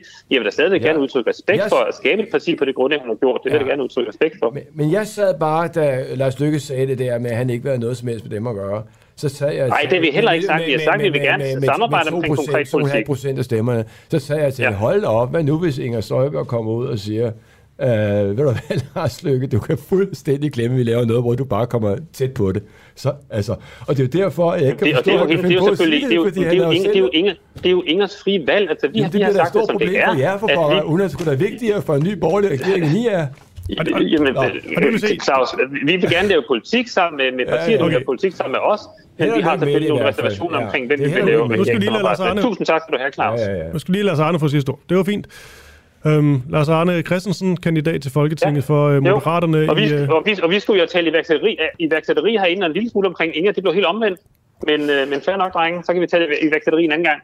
Det, ja, det, det gør vi i hvert fald helt sikkert. Det er jeg ked af, hvis du havde troet det. Uh... Nej, det havde jeg ikke troet, det var det, jeg blev informeret om. Nå, Jamen, det er jeg ikke bekendt med, for jeg havde sagt, at jeg udtrykkeligt gerne vil diskutere Nå, men så, så har I uh, inde på i, de uafhængige i hvert fald uh, anledning til at stramme op på jeres udmeldinger, fordi jeg blev uh, inviteret til at tage en lille bitte ja, omkring Inger, og så rigtig mange omkring iværksætteri. Ja, men du har gjort det rigtig godt, og du har talt for, og, og, for dit projekts interesser på en rigtig fin Jo, jo, og, og, som sagt, vi vil gerne tale politik, nu fik jeg nævnt lidt omkring det, nu endte med at tale personer og bogstavkombinationer igen og så videre. Moderaterne vil gerne tale politik, og ja. jeg kommer gerne igen en anden gang at tale Okay, men skal vi så ikke lave, skal vi så ikke bare, skal vi, Lars Arne, skal vi så ikke bare lave en aftale?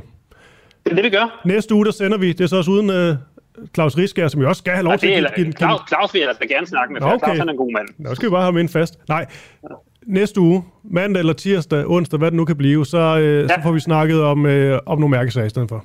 Det synes jeg er en god idé. Det, det lyder rigtig godt. Det lyder godt. Det fortæller vores gode mand her, som har kæmpet brav for projektet.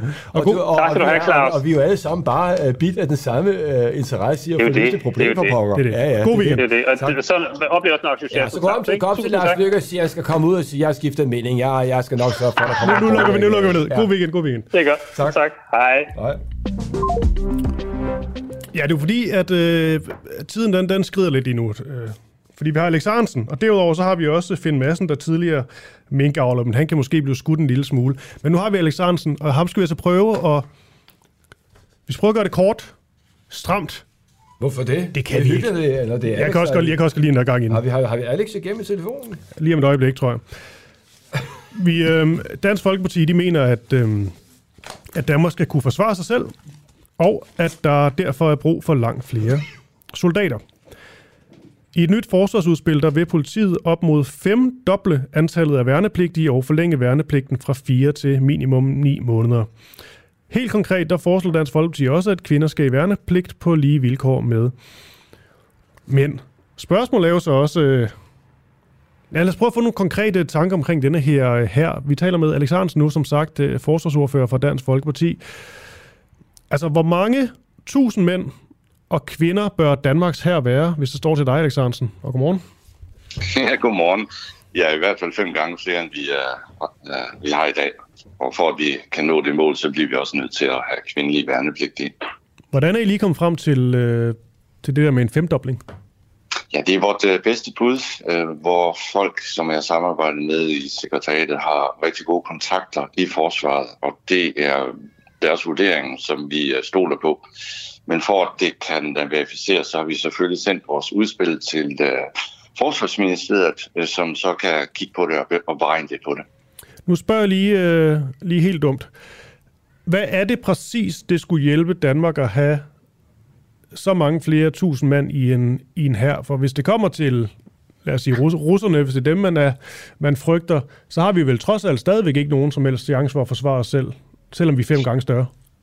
Øh, altså, der er jo flere, der er flere dele i det. For det første, så ønsker vi jo et totalt forsvar. Øh, vi ønsker et forsvar, som øh, kan forsvare Danmark. Mm. Og det kan vi ikke i dag. For det andet, så ønsker vi jo fortsat at kunne levere det, som NATO forlanger af os. Og det vil sige, at vi leverer tropper og materiel til Østflanken, øh, fortrinsvis Baltikum, øh, hvor vi jo skal afskrække russerne. Og så for det tredje, så vil vi jo gerne have flere ind i forsvaret, øh, så vi også kan rekruttere blandt andet befalingsmænd, som der vil blive mangel på om, om ganske få år. Det der med en, et totalforsvar, til, ja. til, til de lyttere, eller mig selv, som ikke lige helt forstår, hvad, hvad det betyder. Totalforsvar. Ja, det betyder jo, udover forsvaret, så opgraderer vi også hjemmeværnet og, og uh, i krisetilfælde uh, involverer politiet, det vil sige, og, og selvfølgelig beredskabet. Det vil sige, at vi på alle fronter uh, kan forsvare os og uh, håndtere uh, Danmark, uh, Danmarks sikkerhed. Det kan vi ikke i dag, fordi forsvaret er blevet udsultet uh, på materiel, på mandskab, på, uh, på midler. Ja. Jeg skal lige høre, eller lige sige, Alex Arnsen, øh, vi har jo Claus Riska Pedersen med i dag som, øh, som gæstevært, og han kan jo også have, være måske lidt mere holdningsbaseret, end vi, vi normalvis øh, er. Ikke at vi ikke må have vores egen holdning herinde. Men Claus Riska, jeg skal lige høre dig. Så er det noget som et uh, totalforsvar. Altså, synes du, der er en, uh, en idé? Godmorgen, Alex. Godmorgen. uh, ja, ja, jo, men, men uh, jeg, jeg, jeg mener, at det er rigtig godt, at man, at man får set på det her grundlæggende. Jeg, jeg, jeg synes, at man, at man sådan er motiverende med... Øh, altså, du gerne have større forsvar? Øh, altså, jeg, jeg mener, at det er enormt godt, at vi får bygget de her fællesskabsværdier op blandt øh, de unge mennesker, som vi har mistet. Øh, de drukne i digitaliseringen og i en computervirtualitet. Og jeg synes, det er super godt, at vi får dem sparket ind og ud af sengen om morgenen og lære at samarbejde med hinanden i fysiske, faktiske miljøer. Så jeg er enormt fortaler af, at vi skal skubbe de unge generationer ind i, i nogle tvungne, sociale, samfundsrelaterede, fællesskabsorienterede sammenhænge. Uh, og jeg synes også, at det giver fantastisk god mening, at vi selvfølgelig gør det på tværs af kønnene. Jeg mener, alting er jo, uh, jeg mener, alt er jo kønsuafhængigt efterhånden. Uh, så hvorfor ikke også der? Uh, og jeg synes også, det er rigtigt, hvad, hvad Alex Hansen siger, at uh, at vi skal se øh, forsvar i en, en helhed. Øh, og øh, i netop i et land som Danmark, der vil det jo være sådan, at hvis vi måtte komme i den forhåbentlig radiotekniske situation, vi skulle komme under angreb, så vil et land af den type, vi har, altså et meget fladt land, øh, det er meget, meget, meget svært at forsvare. Altså det bliver meget hurtigt rullet ned øh, af, af, af, af folk, der har det rigtige udstyr. Så militært set er det en svær kamp, men, men, men der kommer det jo så ind, som jeg forstår også tankerne her, at hvis man har totalt forsvar, er man jo i stand til at kæmpe på forskellige fronter og på forskellige måder, og så man kan yde modstand mod en besættelsesmagt. Øh, jeg ved ikke, om det er det ikke sådan, det skal forstås også delvist, øh, Alex? Jo, øh, Claus, det er fuldstændig rigtigt. Du berører også en væsentlig detalje, som vi har, vi har med i udspillet, nemlig at forsvaret bliver en del af det danske samfund igen. Ja. Altså, i dag er der alt for få, der bliver indkaldt, så der er ikke ret mange, der får berøring. Kaserner er blevet lukket. Vi vil genåbne, bygge nye kaserner.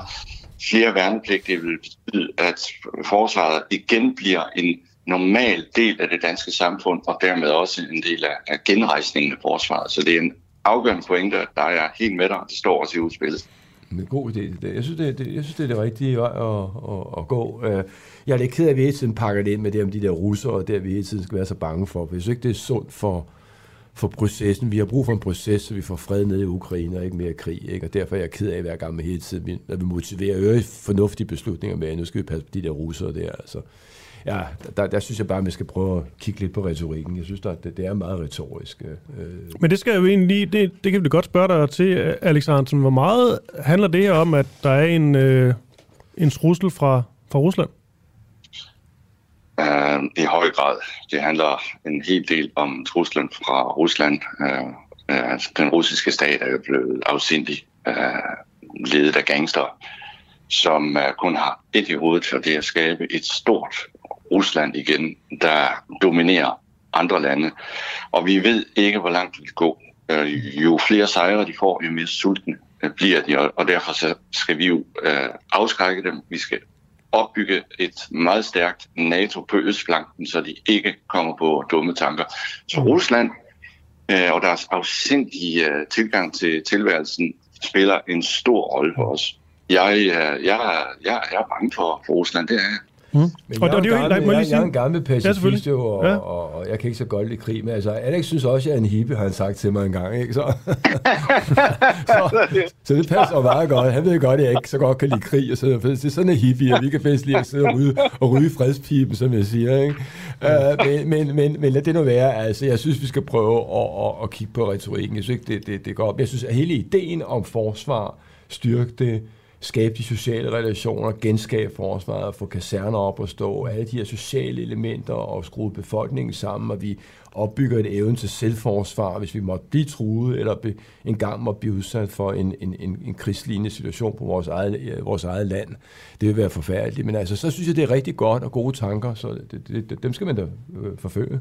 Men der har bare en ting, jeg undrer mig over stadigvæk, altså. Det er det med, så kan vi få altså vi bliver bedre til at ligesom kunne, kunne forsvare os selv. Det giver jo god mening, man gerne vil det.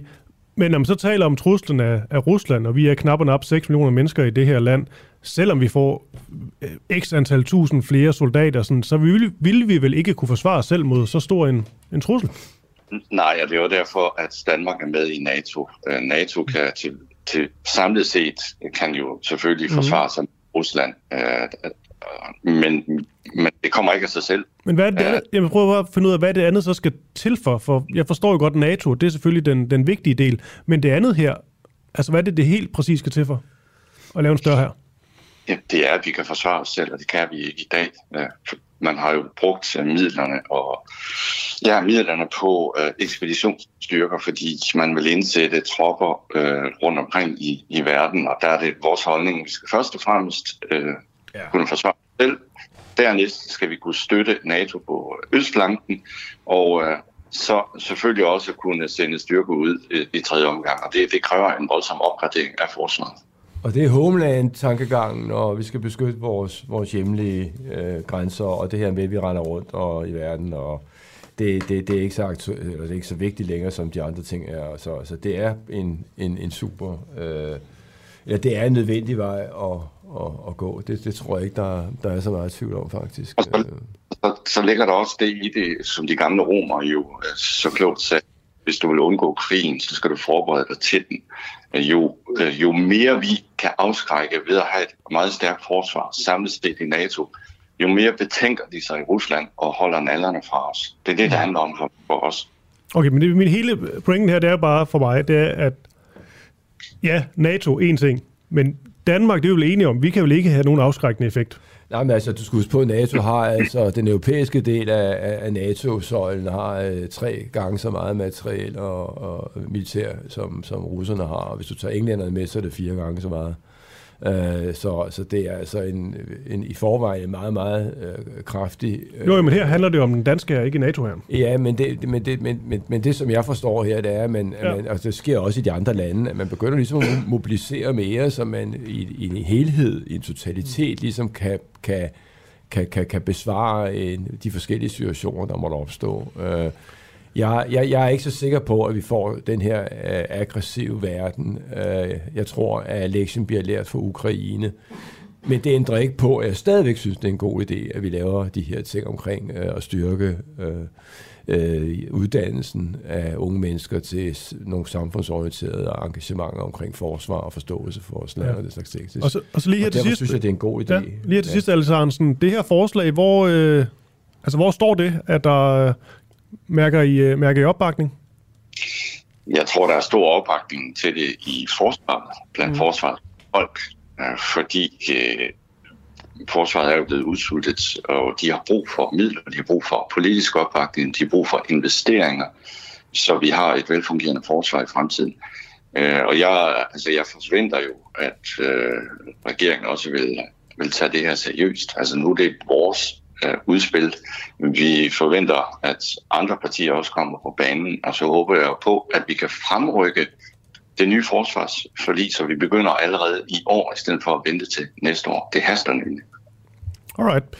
Jeg tror det var det, medmindre du har et, øh, et spørgsmål, der trænger sig på, Claus Rieskær. Så siger vi bare tak til ja.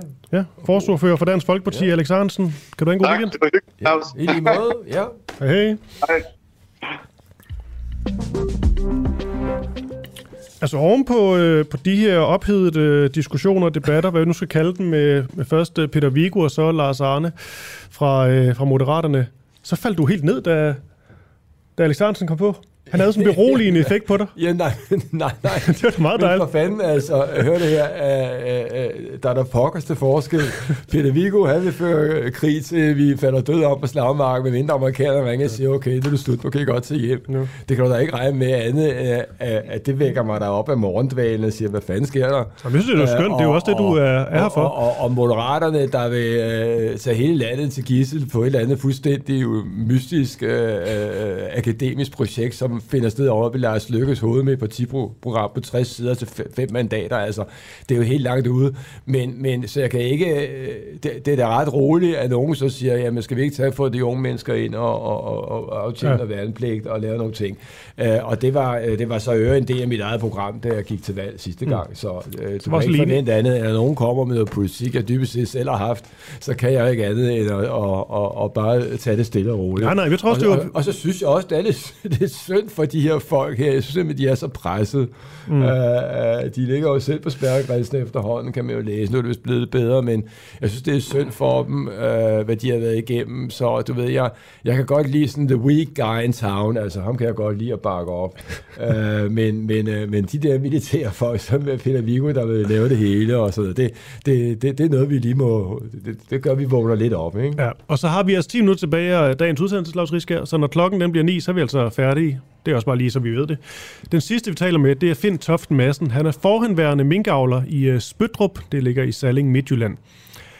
Spørgsmålet er, om minksagen var en skurkeløs ikke-skandale. Fordi Mette Frederiksen, hun fik jo sagt, at hun ikke her for nylig, at hun ikke nødvendigvis ser hele forløbet som en, øh, som en skandale. Hun mener heller ikke, at der er sådan nogen klare skurke i denne her minksag. Det er selvfølgelig nogen, der har været ude og, og kritisere, men vi tænkte jo oplagt at tale med en foranværende minkavler, som ja, der er jo kommet noget, der har været en kon- konkret konsekvens af det, der skete. Godmorgen, Finn. Godmorgen. Når Mette Frederiksen siger, at øh, minksagen måske ikke er en skandale, det kan i hvert fald diskuteres, hvad, hvad tænker du så? Jeg tænker, hun har mistet jordforbindelsen. Uh, jeg synes, det er helt utroligt, at man kan en, en retsstat, sådan en statsminister, der stod og meldte sådan noget ud. Det er helt forfærdeligt, når man ser den uh, grænsningskommission at hun ikke uh, tager en advokatundersøgelse med det samme, men hun er det. Det forstår jeg ikke. Mm. Ja, eller hun er øh, gået af, ikke? Altså, jeg vil sige, at sl- Slytter gik der af for mindre i Tavis-sagen. Gjorde hun ikke det? Ja, lige nøjagtigt. Altså, det, det, det, det er jo så det næste. Også, altså, at, at man på den måde ligesom kører over. Men, men at man nok indrømme, at efterhånden, så synes jeg faktisk næsten, at Mette Frederiksen, hun er problem. Fordi hun, hun er, ud for pædagogisk rækkevidde i vores verden, eller i min verden. Øh, jeg, jeg synes faktisk, at de tre andre damer, der holder hende, holder hende ved magten, det, det, det er næsten lige så galt. Men, men trods alt, Finn, der må man vel også lytte til sådan noget som uh, Mink-kommissionen, som jo er kommet med deres, øh, med deres, deres, be, deres beretning og deres beslutning, og så har vi også haft medarbejderkompetancestyrelsen, det, det er den seneste snak. Men altså, Jamen, altså, der er vel også, taget, der er også nogen, der ligesom har frikendt hende. Og der vil jeg give vores gæst ret. Altså, mm. den her kompetencestyrelse, man har kørt ind over og parkeret det hele det over for at slippe fri for et problem. Ikke? Det må du også holde. Ja. Det, det, det, det, det hopper vi ikke på, os to. Nej, det, det, det, det, det, det, det, det, den, er jo, den er jo ikke uvildig. Ja. Nej, nej, det er, bare, det, er, det, det er en parkeringsplads, der har fundet det. Ja, og, altså, det afgørende derfor... er, uh, tror jeg, vi to kan blive enige om, det er, at det eneste anstændige havde været, altså jeg, jeg var der jo dengang, uh, jeg var omkøbet medlem af Europaparlamentet og sad som medlem af Venstres Folketingsgruppe, ja. da, da slutter, øh, øh, øh, da vi har hele den problemstilling der med, med Tamilsagen. Og øh, han gjorde det eneste anstændige, øh, det var, at når der blev udtrykt så kraftig kritik af en af hans minister og hans regering, at han ja. kunne ikke se sig selv i rollen fortsat som, som spilfordeler og ansvarlig regeringsleder, og så stillede han forslag om en dronningrunde. Ikke? Uh, han forsøgte, uh, der var en lille historie, du ved, men han forsøgte at, at flytte den over internt, og så var det dronningen, der sagde stop, og så kom der en dronningrunde. Men det, ja. det, var, det, det var ikke så kønt, men han, tro, han trådte dog trods alt tilbage, og jeg synes, uh, og det ved jeg ikke om, om jeg synes sådan set, Mette Frederiksen anden anstændighed burde have gjort det samme. Altså, det skulle have politiske konsekvenser øjeblikkeligt. Fuldstændig. Jeg, kan forstå, at hun kan være i det. Fordi det, det, det er helt urimeligt, at, man, at vi har jo en retsstat, og, og man, man bliver lidt utryg ved retsstat, hvis det er sådan her, det skal fungere det hele. Mm-hmm. Æh, som, er utryg, som, som de siger, at de ikke har læst, og sådan noget der, før skrev en artikel i en avis. Det, det svarer jo til, at man kører ind i en by med, med 80 km i timen, og så siger man bare, at man så ikke byskilt. Det, det, det dur jo ikke i en retsstat. Det, det, det slipper man jo ikke fri for jer. Men det pudsige er jo, at det vil jo have hjulpet hende øh, hvis hun var trådt tilbage, tror jeg faktisk. Jeg tror, det, der er kommet ud det af tror også, det, i, i befolkningen, er blevet så pissed over, for at sige det på nydansk, ja. at, at, at det skader Men... helt ufattelig meget ved valget. Jeg tror egentlig, det har været meget klogere af hende, når man har sagt, hør her, det der er kommet her er så belastende, at øh, vi skal ikke have nogen advokatundersøgelse. Det kan vi ikke bruge tid på lige nu. Det, her, det skal have en øjeblikkelig politisk konsekvens, og det er ja, øh, udskrive nyvalg. Men er der for dig, Finn Toft Madsen, som foranværende minkavler, når du så læser den her, eller hører om den her minkkommissionens rapport, er der ikke noget, hvor du egentlig godt kan acceptere, at måske havde Mette Frederiksen ikke vidste ikke øh, det hele. Måske havde hun ikke det fulde ansvar. Måske var det ikke med overlæg det hele. Altså er der ikke noget i rapporten, hvor du tænker, okay, her må vi måske også lige give hende et lille fripas? Den, den fripas, den, den er godt nok meget lille, fordi man, man kan sige allerede fra, opstart af, øh, så, så er de alle de her sms'er, der, der er blevet væk, og Aske Gitte skal. Altså det hele, det har været sådan en hel masse fordækt, som det er rigtig svært at komme til bunds i. Mm og, og det, det, det, det er jo egentlig det, der har, har kendetegnet det hele vej igennem, det hele forløbet der også.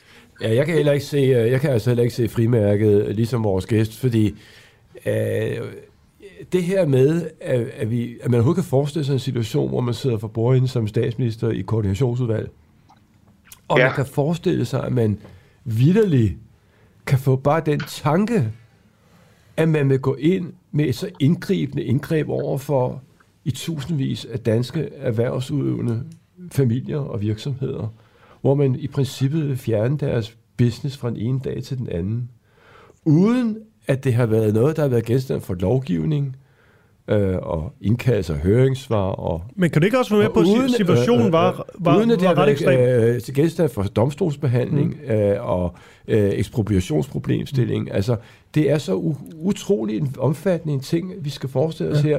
Forestil dig, at det var dig, der fik opkald, at du ikke må være journalist længere. Ja, Finn. Prøv, prøv, prøv, prøv at tænke på, det sagde af fem minister, der sagde det koordinationsudvalg, der er ingen anden, der kan huske, de har været til møde stort set. Det, det, er, det, det, er, det er jo helt utilgiveligt. Men nu, altså, ved, men nu ved jeg godt, du, for dig er der jo selvfølgelig nogle helt øh, voldsomme personlige konsekvenser, men trods alt, det var jo også en presset situation. Man stod også, det blev der i hvert fald talt om, et, nyt, øh, et muligt nyt Wuhan. Nej, alt det, det var der altså ikke. Det, det var trukket tilbage igen. Det okay. der ja, altså Kloster 5, den udløb for tre måneder siden, det var bare noget, han blev presset til Kåre Mølbak. Det er også kommet frem i alt det her. Også. Ja. Det, det, Kloster 5, den var jo længe uddød. Jo. Men tror du ikke, man trods alt gjorde det her med de bedste intentioner? Jo, men ved du hvad, altså, hør nu her. Der er jo ingen tvivl om, at der var en kraftig smittespredning på mm. minkfarmene. Der er ingen tvivl om, at det uh, skete som en steppebrand, og der er ingen tvivl om, at det ville gå ud i resten af landet, og det var et problem. Uh, men der er det jo bare, at nogle af os måske vil have følt, uh, altså os, der er måske sådan, har det anden politisk observans end, end åbenbart, uh, hvad de har i Socialdemokratiet, at uh, det, det rigtige havde måske været at gå ud og sige, så må vi jo beskytte de her øh, minkfarme. Øh, så må vi jo pakke dem ind. Altså, vi kan udkommandere hjemmeværen og beredskabsstyrelse og alt muligt. Vi havde jo ressourcerne. Så der var jo ikke, hvad er der? Der var 1100 minkfarme, er det ikke korrekt? Jo, 1100 minkfarm. Jo, men altså, de, det de, vi de, da, de, havde vi da sagtens kunne gå ud og lukke af. Altså, Fuldstændig. Det Vi kunne isolere 20 os. Det gjorde vi også, jo. Ja, det har da ikke Ja. kostet 20 milliarder. Altså, og, og, og, og erhvervet er blevet reddet, så det er hele fremgangsmåden, hvor man på den her sådan, øh, diktatoriske måde siger, nu bestemmer vi bare, at vi, vi kan lukke et erhverv, fordi vi politisk har kræfterne og mulighederne for det. Og Ja. det er der, vi er kommet for langt, og det er der, hvor befolkningen er meget, meget chokeret, tror jeg. Mm. Øh, og det er derfor, det bliver en alvorlig sag, fordi øh, øh, problemet kunne være løst på andre måder simpelthen. Okay, jeg har lige et uh, sidste spørgsmål, Fintof Madsen. Ja. Øh, Barbara Bertelsen, hun, øh, det kan man godt sige, hun slap med en, øh, en advarsel. Det er faktisk, øh, altså, det er ikke engang en irettesættelse, men hun, Nej. får, hun får sådan en advarsel, og det er også med, så skal der rent faktisk øh, strammes op på nogle ting, så der er nogle ting, hun ikke har gjort øh, godt nok. Men Ja. en advarsel, hvad tænker du? Jamen, det er jo ingenting værd. Men, men hun er jo lige så godt fedt ind i Mette Frederiksen. Ja, det er jo også de to, der har slet sms'er. Det er dem to, der har styret hele koordinationsudvalget, åbenbart. Uh, og hun er jo sådan set styrer hele processen også. Mm. Det, så, så det undrer mig faktisk ikke, at hun også slipper. Uh, det, men det er også indtil videre, jo. Ja. Hun, Okay. bliver ikke, hun bliver ikke, jeg vil med ved overrasket, hvis hun er departementchef øh, i statsministeriet under en ny regering. Uanset hvad det er for en. Det, det, virker, Hvis hun er det, så er de fandme ikke rigtig kloge. men det virker, til, hun har, det virker til, hun har ret mange liv, synes jeg. Ja, Men, øh, Hun, uh, split, den er trukket af af håndgranat der i forhold til det ting. Okay, men Fintof Madsen, vi skal, vi skal til at slutte, så vi siger få... Øh, ja, tak til dig. Det var dejligt at snakke med dig. Selv, selv tak. Og tak øh, for go- det. god weekend. Ja, Tak lige over. Tak. tak. Hej. Hej. stakkels mennesker.